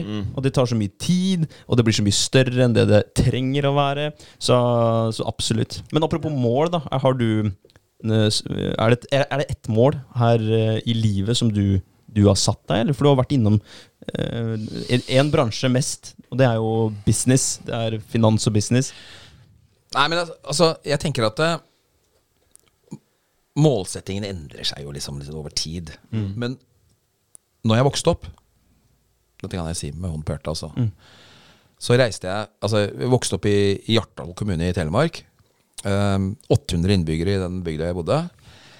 Jeg bestemte meg for at jeg skal fort vekk fra den bygda her. Altså, altså skal, skal, det, var, det var kanskje hovedmålsettingen. Ja. Eh, altså komme seg så langt Ikke så langt vekk, men så fort vekk fra den jævla bygda, liksom. Eh, det, det var en av Det har jeg for så vidt sagt til Finansavisen en gang òg, altså, så det er ikke noe nyhet. Men det var en av målsettingene. Og så blir det jo sånn at eh, Når man får barn, så blir jo det det viktigste. Altså, det blir altoppslukende, tenker jeg. Så, eh, så nå er jo ungene ja, Yngstemann han er reist på Handelshøyskolen og er skal begynne på tredjeåret der, liksom. Så nå er jeg jo aleine. Så nå må jeg sette meg noen nye mål, da. Eh, men jeg tenker at eh, Så jeg tror liksom Bare slutte det. Altså, ungene har det viktigste nå i 30 år. Mm. Ja, liksom vært, så vi har tre barn. så ja, nesten 30 år, da. Så har det ungene vært absolutt det viktigste. Eh, så nå er det vel kanskje å, å eh, Må definere et nytt mål, da. Ja. Kanskje. Ja. Jeg tenkte det når, når eh, hun dat el- dattera mi Hun spilte fotball på Røa. Eh, og hun gjorde faktisk nokså nok flink, da. Men hun bestemte seg for å slutte. Og da var hun den siste som liksom la opp fotballen. Og det var liksom en litt sånn, sånn sorgprosess. da For jeg stod, jeg stod og fryser på den sidelinja i eh, ja, så mange år og så mange kamper. Men liksom, det var, jeg ofra så mye tid, så, så trekker du deg nå, liksom. Men jeg kan liksom ikke være så dårlig. Jeg skal- skal banke deg inn videre, liksom. Men, men, men Så da liksom måtte jeg definere det sjøl. Men, men Nei, jeg vet ikke, altså. Men, altså. Jeg tror det var liksom det der å komme seg vekk. Eh, og så var det ungene. Og nå tenker jeg det er å egentlig ha et relativt behagelig liv. Ja. Hvor jeg kan få trent såpass at jeg holder kroppen eh, så noenlunde ved like. Det tror jeg er målsettingen. Ja. Nyte litt òg. Ja, Nyte litt. Ja. Altså, ta det Ikke jobbe, ikke jobbe full spiker hele tiden. Nei. Det tror jeg er nokså viktig. Men hvor lenge, hvor lenge tenker du, ser du for deg at du kommer til å jobbe med type startups, investeringer og sånn? Er det noe du bare kommer til å holde på med hele til, til det sier god natt, liksom? Eller, eller er det liksom, ser du på at nei, du skal punche dere der når du er eh, så og så gammel? Nei, eh, jeg tror at det, Jeg sa det uh, når jeg slutta i Sissens, og så begynte med den konsulenten, at jeg skulle jobbe til 62. Mm. Men det jeg, jeg kommer ikke til å pensjonere meg 62. Nei. For det synes jeg nå har jeg liksom funnet min form igjen og syns jeg er gøy. Ja. Um, og så er det jo det, liksom Jeg har en kone som jobber veldig mye òg, så det blir uholdbart hvis jeg skal hjem og så surre og sparke i grusen mens hun eh, jobber med, liksom. Altså, jeg må jo gjøre et eller annet. Men jeg kommer nok ikke til å jobbe så mye som Jeg kommer til å jobbe mindre og mindre, men jeg kommer nok til å jobbe fram til jeg ja, Jeg bedter på at jeg er 70 år, altså. Ja, ikke sant? I motsetning til mine foreldre, som var liksom lykkelige pensjonister da de var 62. liksom Jeg tenker ikke sånn på det, altså. Nei. Nei. Kommer til å jobbe til jeg er 70, tenker jeg. Kanskje mindre, men ja. Prøv på det. Ja. Men, men du har jo en uh, utrolig kul uh, jobb i form av den mentorjobben som du har. Altså, og det er jo si, det er jo noe du, en stilling du kan inneha eh, og, og gjøre en god figur i fordi du har all den erfaringa som du har. Så det er jo, det er jo gull verdt. Men jeg vet ikke, kan du snakke litt om den Smart Innovation og den mentorjobben du har? For den er jo jeg og Vegard, det kan jo sies da, du nevnte Ja. jo litt i stad. Vi burde kanskje nevnt det innledningsvis òg. Du er jo mentoren vår i Smart Innovation Ja, Norway ja. Ja. Eh, nei, men det er jo nokså Det er jo en Det er jo en veldig kul jobb å ha. Um, det er veldig kult når det funker bra. Men det er jo noen selskaper det ikke funker bra med. Da er det ikke så kult. For at det, da føler du liksom at uh, Du klarer ikke liksom å få ut potensialet sammen. Uh, så Så men, men det er jo veldig morsomt å følge selskapene framover og se at det, det skapes progresjon. Ja. Det er gøy, syns jeg. Mm. og så og så er jo det en nokså krevende jobb, som dere er oppe i òg, med, med, med, med selskapet. Men jeg syns det er gøy å se, se det og liksom å være med på det. Det syns jeg er gøy. Føler du, eller Trekker du deg ut hvis du merker at det, det ikke er noe, er noe på Traction, måte, liksom? Ja, ikke skjer noe, eller du ikke har noe um, Hva skal man si? Ja, eh, kjemi da med, med selskapet. Sier du ifra at det her, det her tror jeg ikke Da prøver jeg vel å bytte. Ja. Og da sier jeg til sjefen at uh, jeg vil bytte. Ja. Men, men, men noen da er jo mye bedre til å pushe meg. Mm. For at det liksom Dette er jo lagt opp i et sånt system at uh, ja, du skal ha tre eller fire møter i, i måneden, og så skal du liksom gå gjennom noen faser. Eh, og jeg er kanskje litt annerledes. Uh, sjefen min hører på dette her, så, han, men, jeg, men, jeg, men jeg er litt annerledes. Så at jeg har lyst til å adressere de behovene mer enn å også kjøre et sånt fastsatt program. Og så kan du si at det, i noen tilfeller så passer ikke det, men i noen tilfeller så er jo det bra match. Så Og det girer meg mer, da. Jeg syns det er morsommere da. Eh, når, når For at da da blir det engasjement, sånn som vi jobber sammen. Det er jo liksom engasjement rundt det vi holder på med. Og da blir det gøyere for meg òg. Ja. Det blir ikke bare så gi og gi og gi, liksom. Du blir nesten Noen ganger, ikke mange ganger, men noen ganger så føler du deg nesten som en psykolog. Vet du. Ja. Det blir liksom Nå er det sånn terapeut. Eh, Startup-terapeut, liksom. Det er kanskje et eget yrke, da. Startup-terapeuten ringer nå, liksom. Og det er ikke noe god rolle, altså. Nei, jeg ser den. Eh, men det skal sies da, vi setter jo enormt eh, pris på fleksibiliteten når det kommer til deg òg. At det går an å ta en kjapp telefonsamtale innimellom. Sende en liten sånn beskjeden melding først da, for å sjekke at dere kysten er klar. Men eh, det setter vi ekstremt stor pris på. Og så har du jo et bra engasjement òg. Altså, du er jo Vi blir jo alltid, det sier vi hver gang vi har prata med deg, at vi blir jævlig gira. Ja, ja, Snakke med deg, så, så det gir oss jo veldig mye motivasjon òg. Det syns jo vi er uh, Og så sier du det du mener, da. Det er, det er liksom noe av det viktige her. Altså, du sier akkurat det du mener, og da må vi bare ta den, da. Ja. Det, det Nei, men det er vel kanskje for at det det. Men det er jo kjemien mellom oss tre òg, da. Det er for at dere er mottagelige for det òg, da. Det er jo noen som blir sure for det, liksom. Ja. det, det, noen ganger kan det bli det, så det blir litt sånn gående og lure litt rundt. Men, men, men det er en veldig interessant, interessant rolle å ha. Det er det. Ja. Og så har jeg den kompetansen fra finans, og det kan jo ingen ta fra meg. Så jeg kan jo liksom, vi kan diskutere det, i hvert fall. Mm. Uh, uh, så Nei, så det kommer jeg til å fortsette med. Ja, Ja. men det er kjempebra. Men eh, jeg setter jo veldig stor pris på at du får eh, rene ord for penga òg. At, eh, og at man kaller en spade for en spade. Fordi det, det, det er ingen som tjener på det. At man skal drive og ja, gå rundt uh, grøten og ikke si hva man mener, og ikke, ikke Hva skal jeg si. Det, det er ikke det at man trenger å drepe folk med kommentarene sine, men i hvert fall pynte litt grann på det. Men i hvert fall få fram Ja, budskapet, da. Så, Jeg er enig i det. Også. Ja, fordi det. til syvende og sist, da, så eh, hvis man ikke ja, hva skal jeg si, altså Hvis du blir sur da for at noen gir deg en ærlig tilbakemelding, så det du egentlig sier til den personen der, er 'fuck you', aldri gi meg en ærlig tilbakemelding noen gang igjen. Og da går du jo rundt da, og kanskje er et, eh, en irriterende person, eller eh, jeg vet ikke at du kunne fått et tips som kunne forbedre et eller annet, men da er du jo, du har et for stort ego egentlig da, til å ta imot den hjelpa, for det er jo egentlig, det er jo egentlig hjelp. Det er jo ingen som sier det bare for å såre deg 100 Nei, nei, du har basically feila allerede der, da. Ja, ja, er ja. Så jeg tenker du gjør deg en, uh, sjøl en ekstremt stor bjørnetjeneste. da. Ja, nei, men jeg er enig. Men det er ikke alle som ser det sånn. Men Nei. det får da være deres problem. Ja. Ja. Da er jeg litt sånn nådeløs, altså. Ja. Altså, Vi prøver å gjøre vårt beste. eh, og så prøver selskapet å gjøre sitt beste, men, men liksom prøver vårt beste, og så får det For det blir det det blir, altså. Og da er det noen som syns jeg er bra, og noen syns jeg ikke er så bra. Men det lever jeg også godt med. Mm. Ja. Ja. Det er litt sånn, altså. Ja, ja, men det er bra, det. det er, det er en ærlig sak. Ja. Veldig bra. Eh, I forhold til Fortress Fund òg, da, for det starta dere jo for eh, Ja, var det det du skulle spørre? Nei, Jeg skulle akkurat spørre om det, men eh, det går fint. Ja, for det starta dere jo for nå er det, er det ett eller to, halvannet Nei, eh, vi henta inn eh, eh, Altså, fondet var fullfinansiert. Altså ikke fullfinansiert, vi skal kanskje opp til 100 millioner. Prøver det, men vi er på 60 nå. Uh, så uh, Fortress Fund eh, eh, Eller ikke kanskje. Lorenzo, hvis han hører på, så si at vi skal opp til 100 millioner. Det er bestemt. Eh, så det er bare å, å ringe Smart Innovation hvis man har lyst til å være med. Men, men eh, vi henta en 60. Eh, og så var vi ferdig med det, men så tok godkjennelsen i Kredittilsynet Eller Finanstilsynet heter det vel nå. Finanstilsynet litt lang tid. Så forrige uke, tror jeg det var, så var det liksom Da var det startskuddet for investeringene. Vi har to investeringer som vi skal gjøre nå. Som vi er i ferd med å jobbe, jobbe ferdig. Og så skal vi investere i 20-25 startups. Heftig. Ja, Hva, er fett. hva skal til? Hva er kriteriene for å bli investert i av Fortress Fund? Hva er det dere ser etter?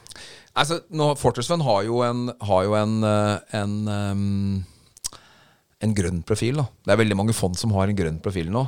Dette kommer jo litt av EU-reguleringer også, altså. Mm. Men, eh, men vi, Smart Innovation, er jo veldig opptatt av det, dette her med, med, med bærekraft, eh, bærekraft og sånn. Mm. Så det er, jo, det er jo en av tingene.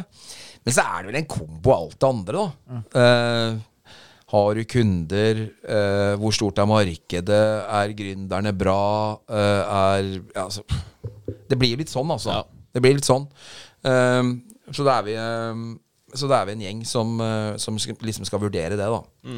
Og, det, og det fondet skal gjøre, selvfølgelig, det er jo også å finne Finne investeringer som gir høyest avkastning til minst mulig risiko, selvfølgelig. Uh, det er jo det vi, vi holder på med.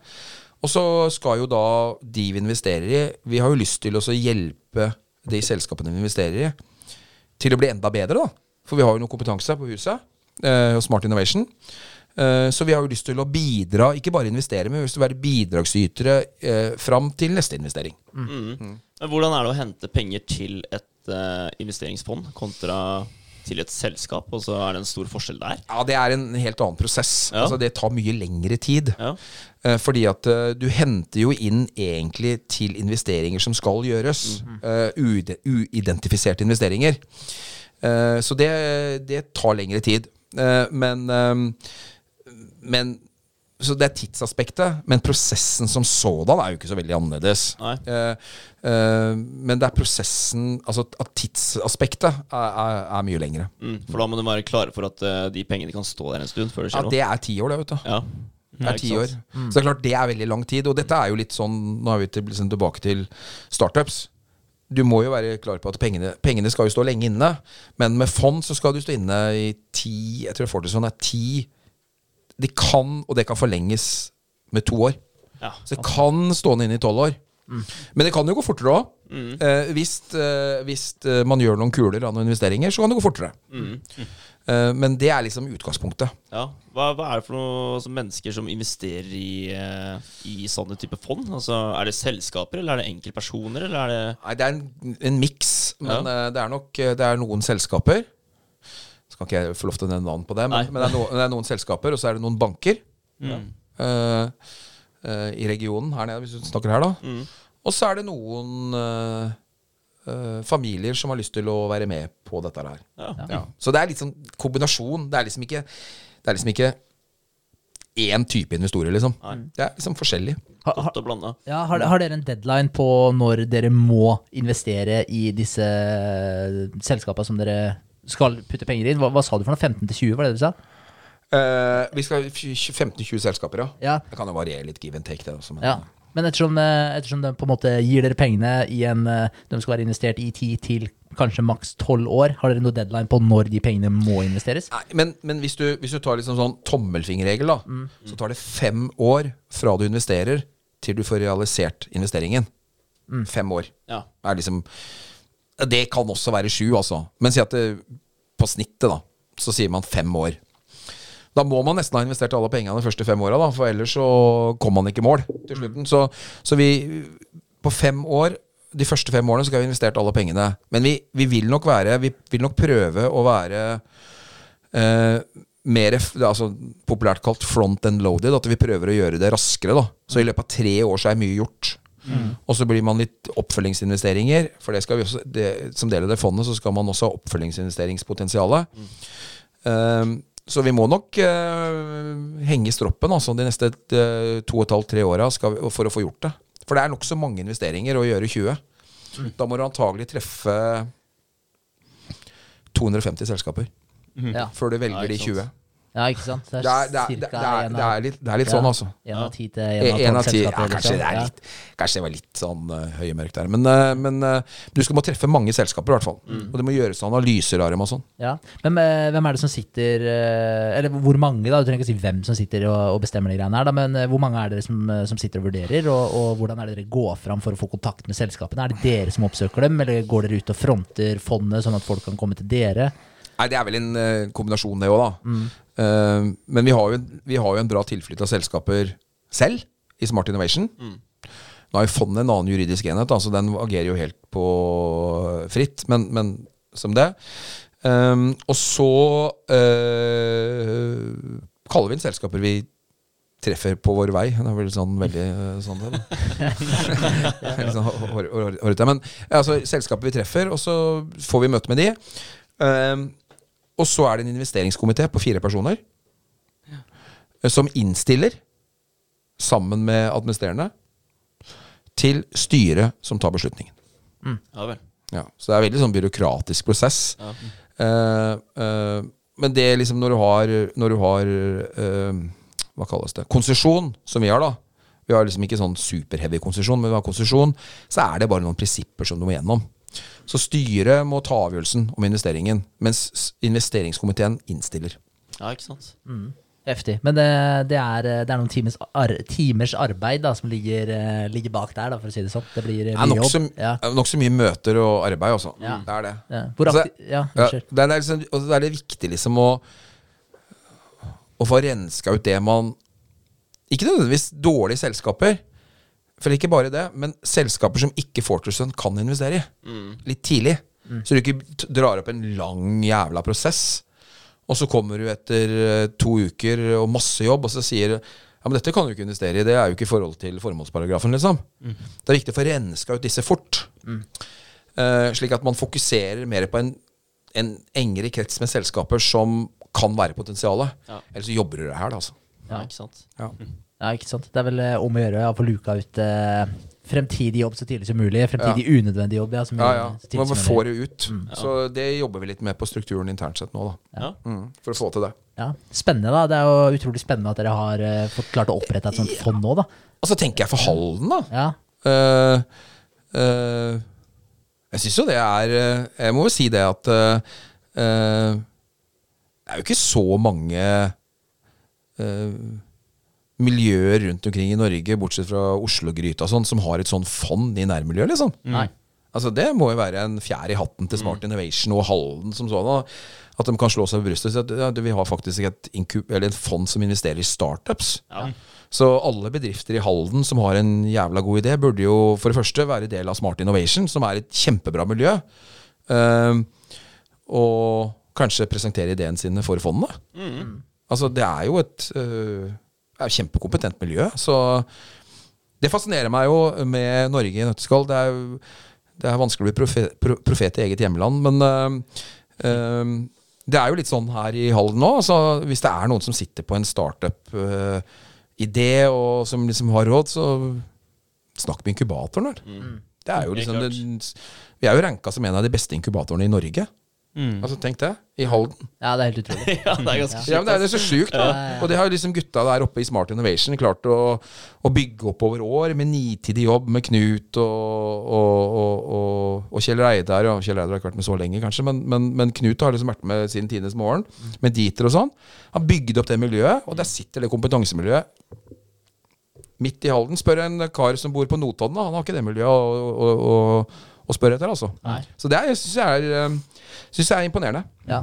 Ja, men det, definitivt. Og, og før vi eh, eh, ble medlem av inkubatoren også, så når jeg ser sånn der nå i retrospekt, da, så skulle man jo ha prøvd å blitt med der så tidlig som overhodet mulig. Bare for å få, eh, som du sier, da, altså du, du blir jo omringa av likesinna, folk som er oppe i samme situasjoner som deg. Du har mange kompetente mennesker der som man kan spørre om eh, tips og råd. Så det er som du sier, da, hvis noen sitter der ute med en, en eller annen idé som kanskje ikke de har fått materialisert ennå, så ja, ta kontakt. da, Ja, og så tenker jeg det, Vi snakka jo om det, liksom øh, altså, Å komme ut av komfortsonen sin, liksom. Ja, ja. Det er jo å komme litt ut av komfortsonen hvis du melder deg inn i en sånn inkubator. Veldig. Ja, om, det. Du blir, du blir pusha litt, ja. men du blir jo jævla god av det, da, tenker ja, jeg. Ja, ja for, det, for det er noe med det. Altså, alt er jo uh, Ikke alt, da, men uh, mye er skummelt før man har gjort det x antall øh, ganger. Ja, ja. Og før eller siden så, så blir det en vanesak òg. Altså, vi, øh, det skal sies, jeg, jeg og Vegard snakka litt om det i stad. Vi kjørte forbi Rakkestad, og jeg var med i fallskjermklubben der en periode. Og jeg hoppa fallskjerm, og de første hoppa der, så hopper man Der er man en linehopp, som det kalles. da Så du hopper alene første hoppet ditt. Du hopper ikke med en instruktør. Eh, og da har du en line som er festa til det som kalles pilotskjermen, og det er på en måte den du drar ut. da Den som fanger luft først, og drar ut resten av fallskjermen. Og jeg husker de, de første hoppa der. For det første da, så var det jo på vei opp, så var det sånn Du hadde jo hatt teorikurs og liksom eh, testa litt på bakken og sånn, da. Men så var du oppi det der eh, småflyet, da, og så begynner det å bli høyere og høyere, og du ser på den der høydemåleren din, og å titte ut der ute, og så er det sånn I helvete er det jeg har blitt med på, da? og da er det, da er det liksom for seint å, å angre.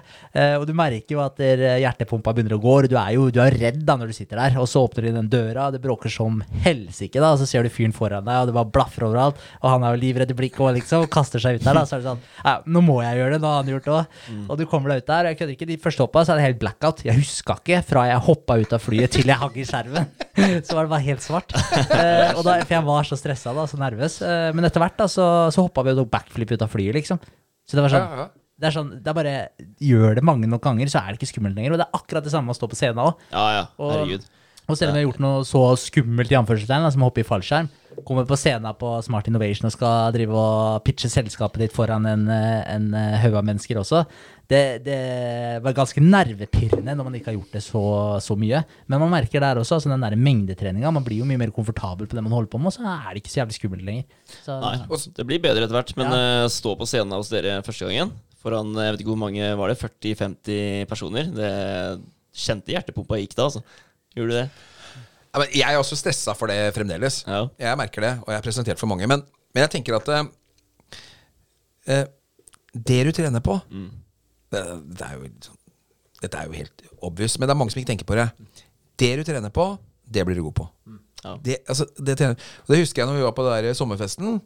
Vi hadde trent på den elevator-pitchen deres når, som dere skulle fortelle når dere reiste dere opp. Vet du, fortelle. Ja. Og dere hadde jo trent den. Den, hadde liksom bare, den satt liksom til fingerspissene, liksom. Ja. Og da syntes jeg, Å, det der var jævla bra. De var flinke. De hadde liksom bra elevator pitch. Ja, men det er bare trent på det, liksom. Ja. Og, sånn, og da tenker jeg, hvis du kommer inn i et sånt kompetansemiljø, så får du trent. Ja. Så det jeg tenker at eh, det må da være et mye større tilfang i eh, Østfold eh, for Smart Innovation enn det er i dag, da. For vi ser jo Det er ikke så mange selskaper fra Østfold som banker på døra. Nei. Jeg vet ikke om det er mye lite gründere her nede, men jeg vet ikke. Altså, jeg vet ikke, altså jeg tror for det første at det er mange som har gode ideer, men som uh, tenker at det, Nei, men faen, det her får jeg aldri til uansett. Eh, Det er mange som bare bryter det seg sjøl før de i det hele tatt har prøvd. Uh, og så og så tror jeg jo også kanskje at det er mange som ikke vet om det. Altså Jeg hadde ikke peiling på det. Jeg vet ikke hvordan Jo, vi fikk det gjennom med en, en annen en som var med i inkubatoren, da, som tilfeldigvis tipsa oss om at det, det her bør dere kanskje se på, for vi fikk veldig mye ut av det her. Og så tenkte, Ja, jeg, så tenkte jeg sånn ja, ja, sikkert, liksom. og, så, og så tenkte jeg fuck, vi, vi prøver, da. Vi tar kontakt med dere, liksom. Og så, og så, så var det jo sånn. Altså, nå vil jo jeg anbefale det varmt til alle også, så det er jo kanskje det at folk ikke helt vet om det også. Kanskje Smart Innovation må bli flinkere på markedsføring. Ja, men det kan godt hende, Ja, altså, faktisk. Fordi, for jeg visste ikke hva dere drev med. Jeg ja. leste jo på de programmene deres og sånn også, at, dere, at det var litt diverse, men jeg, men jeg klarte liksom ikke helt å få grep om hva det var dere kunne tilby. Så, altså, ja, er sikkert greie der òg. Ja. Men hvor moden må Hvis vi tenker på folk som sitter og hører på og kanskje har en liten sånn spire i seg, da, som man uh, hører om, hvor moden må ideen være? Altså Kan man komme med en sånn, en sånn halvprematur uh, idé? Så bare det her tenker jeg går. Kan, kan man komme og, og Ja, det tror jeg man kan. Eh, men, men det er klart at eh, vi har noe som kalles Dette er jo litt sånn som er innført nå. Preinkubasjon. Ja. Da får du liksom en tre måneders testperiode om dette funker eller ikke funker. Og da har vi liksom noen steg vi skal gjennom, da. Altså realitetsorientere eh, eh, selskapet, liksom. Hva, hva må på plass? Så jeg, jeg tror liksom eh, det var noen som sa til meg en gang i tiden, og dette er jo sånn loselig uttrykk, ja. Du må ikke la eh, det perfekte bli din fiende, liksom. For at det, du kommer jo Du blir aldri perfekt. Det er ingenting som blir perfekt i livet. Det, er liksom, det, blir, det kan bli 90% men det blir aldri perfekt. Og som startup-bedrift så vil det alltid være en rad med oppgaver som du må gjøre. Altså, det, det er bare sånn. Eh, du skal bygge marked, du skal bygge organisasjon, du skal lage et produkt, og du skal drive markedsføring og liksom, alt mulig rart. Så ikke tenk på det. Jeg vil heller at de som har en idé, eh, dårlig gjennomtenkt, godt gjennomtenkt, eh, ta kontakt med Smart Innovation. Fordi at da kan jo vel Smart Innovation gi dem råd, da. Så jeg, nei, jeg tror ikke det passer for oss, men hvis du kommer tilbake om tre måneder når du har gjort noe med det og det og det og det, da er jo godt råd, det.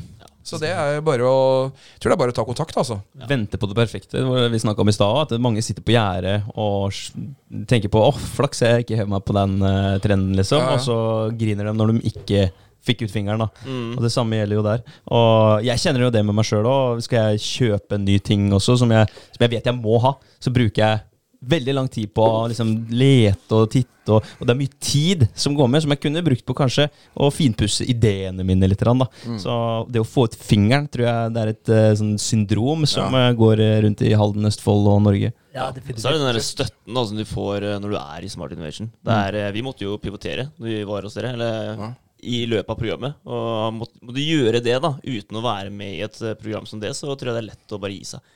Ja. Tror jeg. Det er kjempetøft. Ja, det er Det det. er kjempetøft. Ja. Og det er jo selvfølgelig Det er jo liksom sånn uh, Hva er en god tilbakemelding? En god tilbakemelding er kjempebra, som vi snakka om i stad. Kjempedårlig. Her må du gjøre noe, liksom. Så går du i hvert fall ikke med en kjempedårlig idé som går rett i grøfta etter ett år. Det kaster bort et år, da. Så det er også viktig, altså. Jeg tenker at der har vi, der har vi eh, der har vi en bra greie altså, på, på gang eh, på Smart Innovation, og vi er jo mange så, som kan benyttes. Så Ja. det er jo bare oppfordring til dem som hører på. Ja. Jeg, hørte et uh, bra sitat en gang, og det var at eh, hvis ikke du er flau over det første produktet du lanserte, så lanserte du ikke tidlig nok. Nei, det er litt sånn selgergreier. Så, Det er bra. ja, den er bra. Men, uh, men jeg tenkte også i forhold til det med å, å pitche ideen. For altså, det var sånn noe jeg tenkte for uh, en god tid tilbake. Da, det med at Hvis du går et sted og liksom, hvis du har en jævla god idé, da, og så, og så sier du den høyt, så tenker du at det er noen som kommer og bare stjeler ideen din og, og, og gjør noe ut av det. Men det har jeg egentlig slått helt fra meg nå, fordi det krever jævlig mye å, å gjøre det. Det er jo Ja. nesten ingen som gidder å gjøre det. Men uh, hva tenker du om det? Nei, men jeg tenker at uh, eh, Dette har vi diskutert mye i Smart Innovation nå. Om eh, ha, ha patent på ting. Nei, men patentere. Eh, og da sier jeg at jo, du kan godt, du kan godt patentere ting. Det er fine, det, altså. Det er ikke noe gærent i det. Men å bruke ett år på å patentere ting, istedenfor å bruke den tiden du bruker på å patentere ting, til å bare bykse framover For det er, jo, jo forspranget du har til eventuelt konkurrenter, eller andre, som er det viktigste. Så jeg tenker at det, altså, alle som sier her også, at, det, det er liksom, vi er så redd for at det stjeler teknologien. Ja, men ja, det kan godt skje. Men for dere, da, så vil dere være nokså unike i, i, i Skandinavia uansett, liksom. Med en løsning. Så kan jeg si at alle de, det markedet, kan ikke det ha to spillere? Tre spillere? Det betyr jo ingenting. For markedet er så svært likevel. Så jeg tenker at det, eh, fokus på å drive framover. Og hvis det kommer noe nå på sida, så vil dere måtte kjøre enda hardere, og det vil gi mer energi. Og hvis dere er to neck and neck som er, opp, med, med, med sida av hverandre, da, så vil dere to, eller tre, eller fire, bygge markedet sammen. Og det er positivt òg. Så jeg er ikke så redd for det. altså Nei, ikke sant? Det er bare drithoppere. Ja. Altså, det, er, det, er, det er ingen som kommer til å For det første så er det ingen som kommer til å stjele ideen. Det er Sannsynligheten er svært liten. Da skal du opp, finne opp noe som er ordentlig genialt. Altså. Og nummer to, så hvis det er det, så er det ikke så farlig. Godt tips. Ja, det er tips, det. ja. Jeg ser jo tida flyr, men jeg har lyst, ettersom vi har en eh, finansmann på plass her, så må jeg jo spørre om spørre om to ting, egentlig. da. Det er uh, i forhold til uh, resesjon, altså økonomiske utsikter nå, og så er det krypto, som vi må litt grann, innom. Uh, men først og fremst da, de økonomiske utsiktene. da. Vi hører jo spådommer i hytt og pine i forhold til at økonomien Nå er vi på vei til helsike, og at eh, bobla sprekker, og at fremtiden ser mørk ut en periode. Hva tenker du om det? Ehm, nei, det kan sikkert bli resesjon, altså. Jeg tror ikke det blir det i Norge, altså. Det Nei. tror jeg ikke. Men uh, det betyr egentlig ikke så mye. Det er jo USA som er det store dyret der ute. Um, um, det er vanskelig å vite. Vanskelig å vite. Det er, litt, det er litt vanskelig å tro at USA skal ha resesjon når det går på det fyrer på alle sylindere, liksom, der borte. Det går så det griner for øyeblikket. Så den ligger nok litt uh, nå, nå har man teknisk sagt at det, var resesjonen, da. Uh, altså, men man krangler litt på om er det egentlig resesjon når det er så lav syssel... Det er, så, det er så lav arbeidsledighet. Eh, men uh, Kanskje. Kanskje. Men jeg tror ikke det varer så lenge. Og i forbindelse til aksjemarkedet så tror jeg det er noe prisa inn allerede. Men, men det som er bra med, med det å si, det er at det, det vil ikke vedrøre oss så veldig mye. Nei. Det vedrører ikke oss så veldig mye. Det som vedrører oss, det er jo hvis inflasjonen holder seg fortsatt høy i Norge, og, og renta må settes opp en rekke ganger, tror jeg heller ikke på. Um, så hvis det blir resesjon, så skal oljeprisen falle, og da skal prisstigningen falle, og da skal renta ned. Mm. sånn sett. Eller i hvert fall begynne å flate ut, da. Så jeg ikke så redd for det. Og jeg tror at eh, disse økonomiske utviklingstingene får altfor mye fokus. For det har ikke så innmari mye å si, eh, egentlig. Det som har noe å si, er jo selvfølgelig høy strømpris. Det, er jo mye, det, er jo, det er jo mye verre enn veldig mye av det andre som skjer i markedet. Så det får håpe at regjeringa sorterer ut. Um, så Men vi, det vi kan si, det er at eh, globalt sett så har jeg aldri sett et finansmarked eller en global økonomi som har så mange risiko, risiker i seg. Det kan jeg si. Med krig og resesjon og høy inflasjon og, og energikrise. Altså det er veldig mange ting, da. Det har jeg ikke sett før. Nei.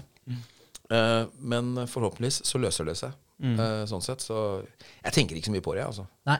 Jeg gjør ikke det. Er det, er det noe eh, type Men du sier at det mest sannsynlig så rammer ikke oss i Norge så hardt uh, uansett. Selv om uh, hvis det skulle bli litt uh, en økonomisk krise borti statene, så effekten her, den eh, blir mindre, vet du. Ja. For vi har en økonomi som er veldig sånn Som er litt annet sammenskrudd, da.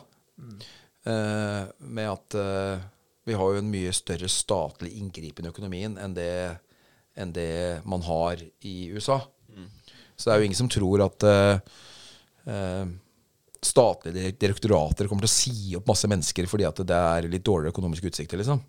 Det er jo ingen som blir sagt opp på skoler eller universiteter eller, eller statlige jobber. Så det er klart, og det, det er litt mer robust, altså. ja, ikke sant? Det er litt mer robust. Og så hvis folk blir arbeidsledige, så har vi et bra støttesystem òg. Så jeg er ikke så redd for det, altså.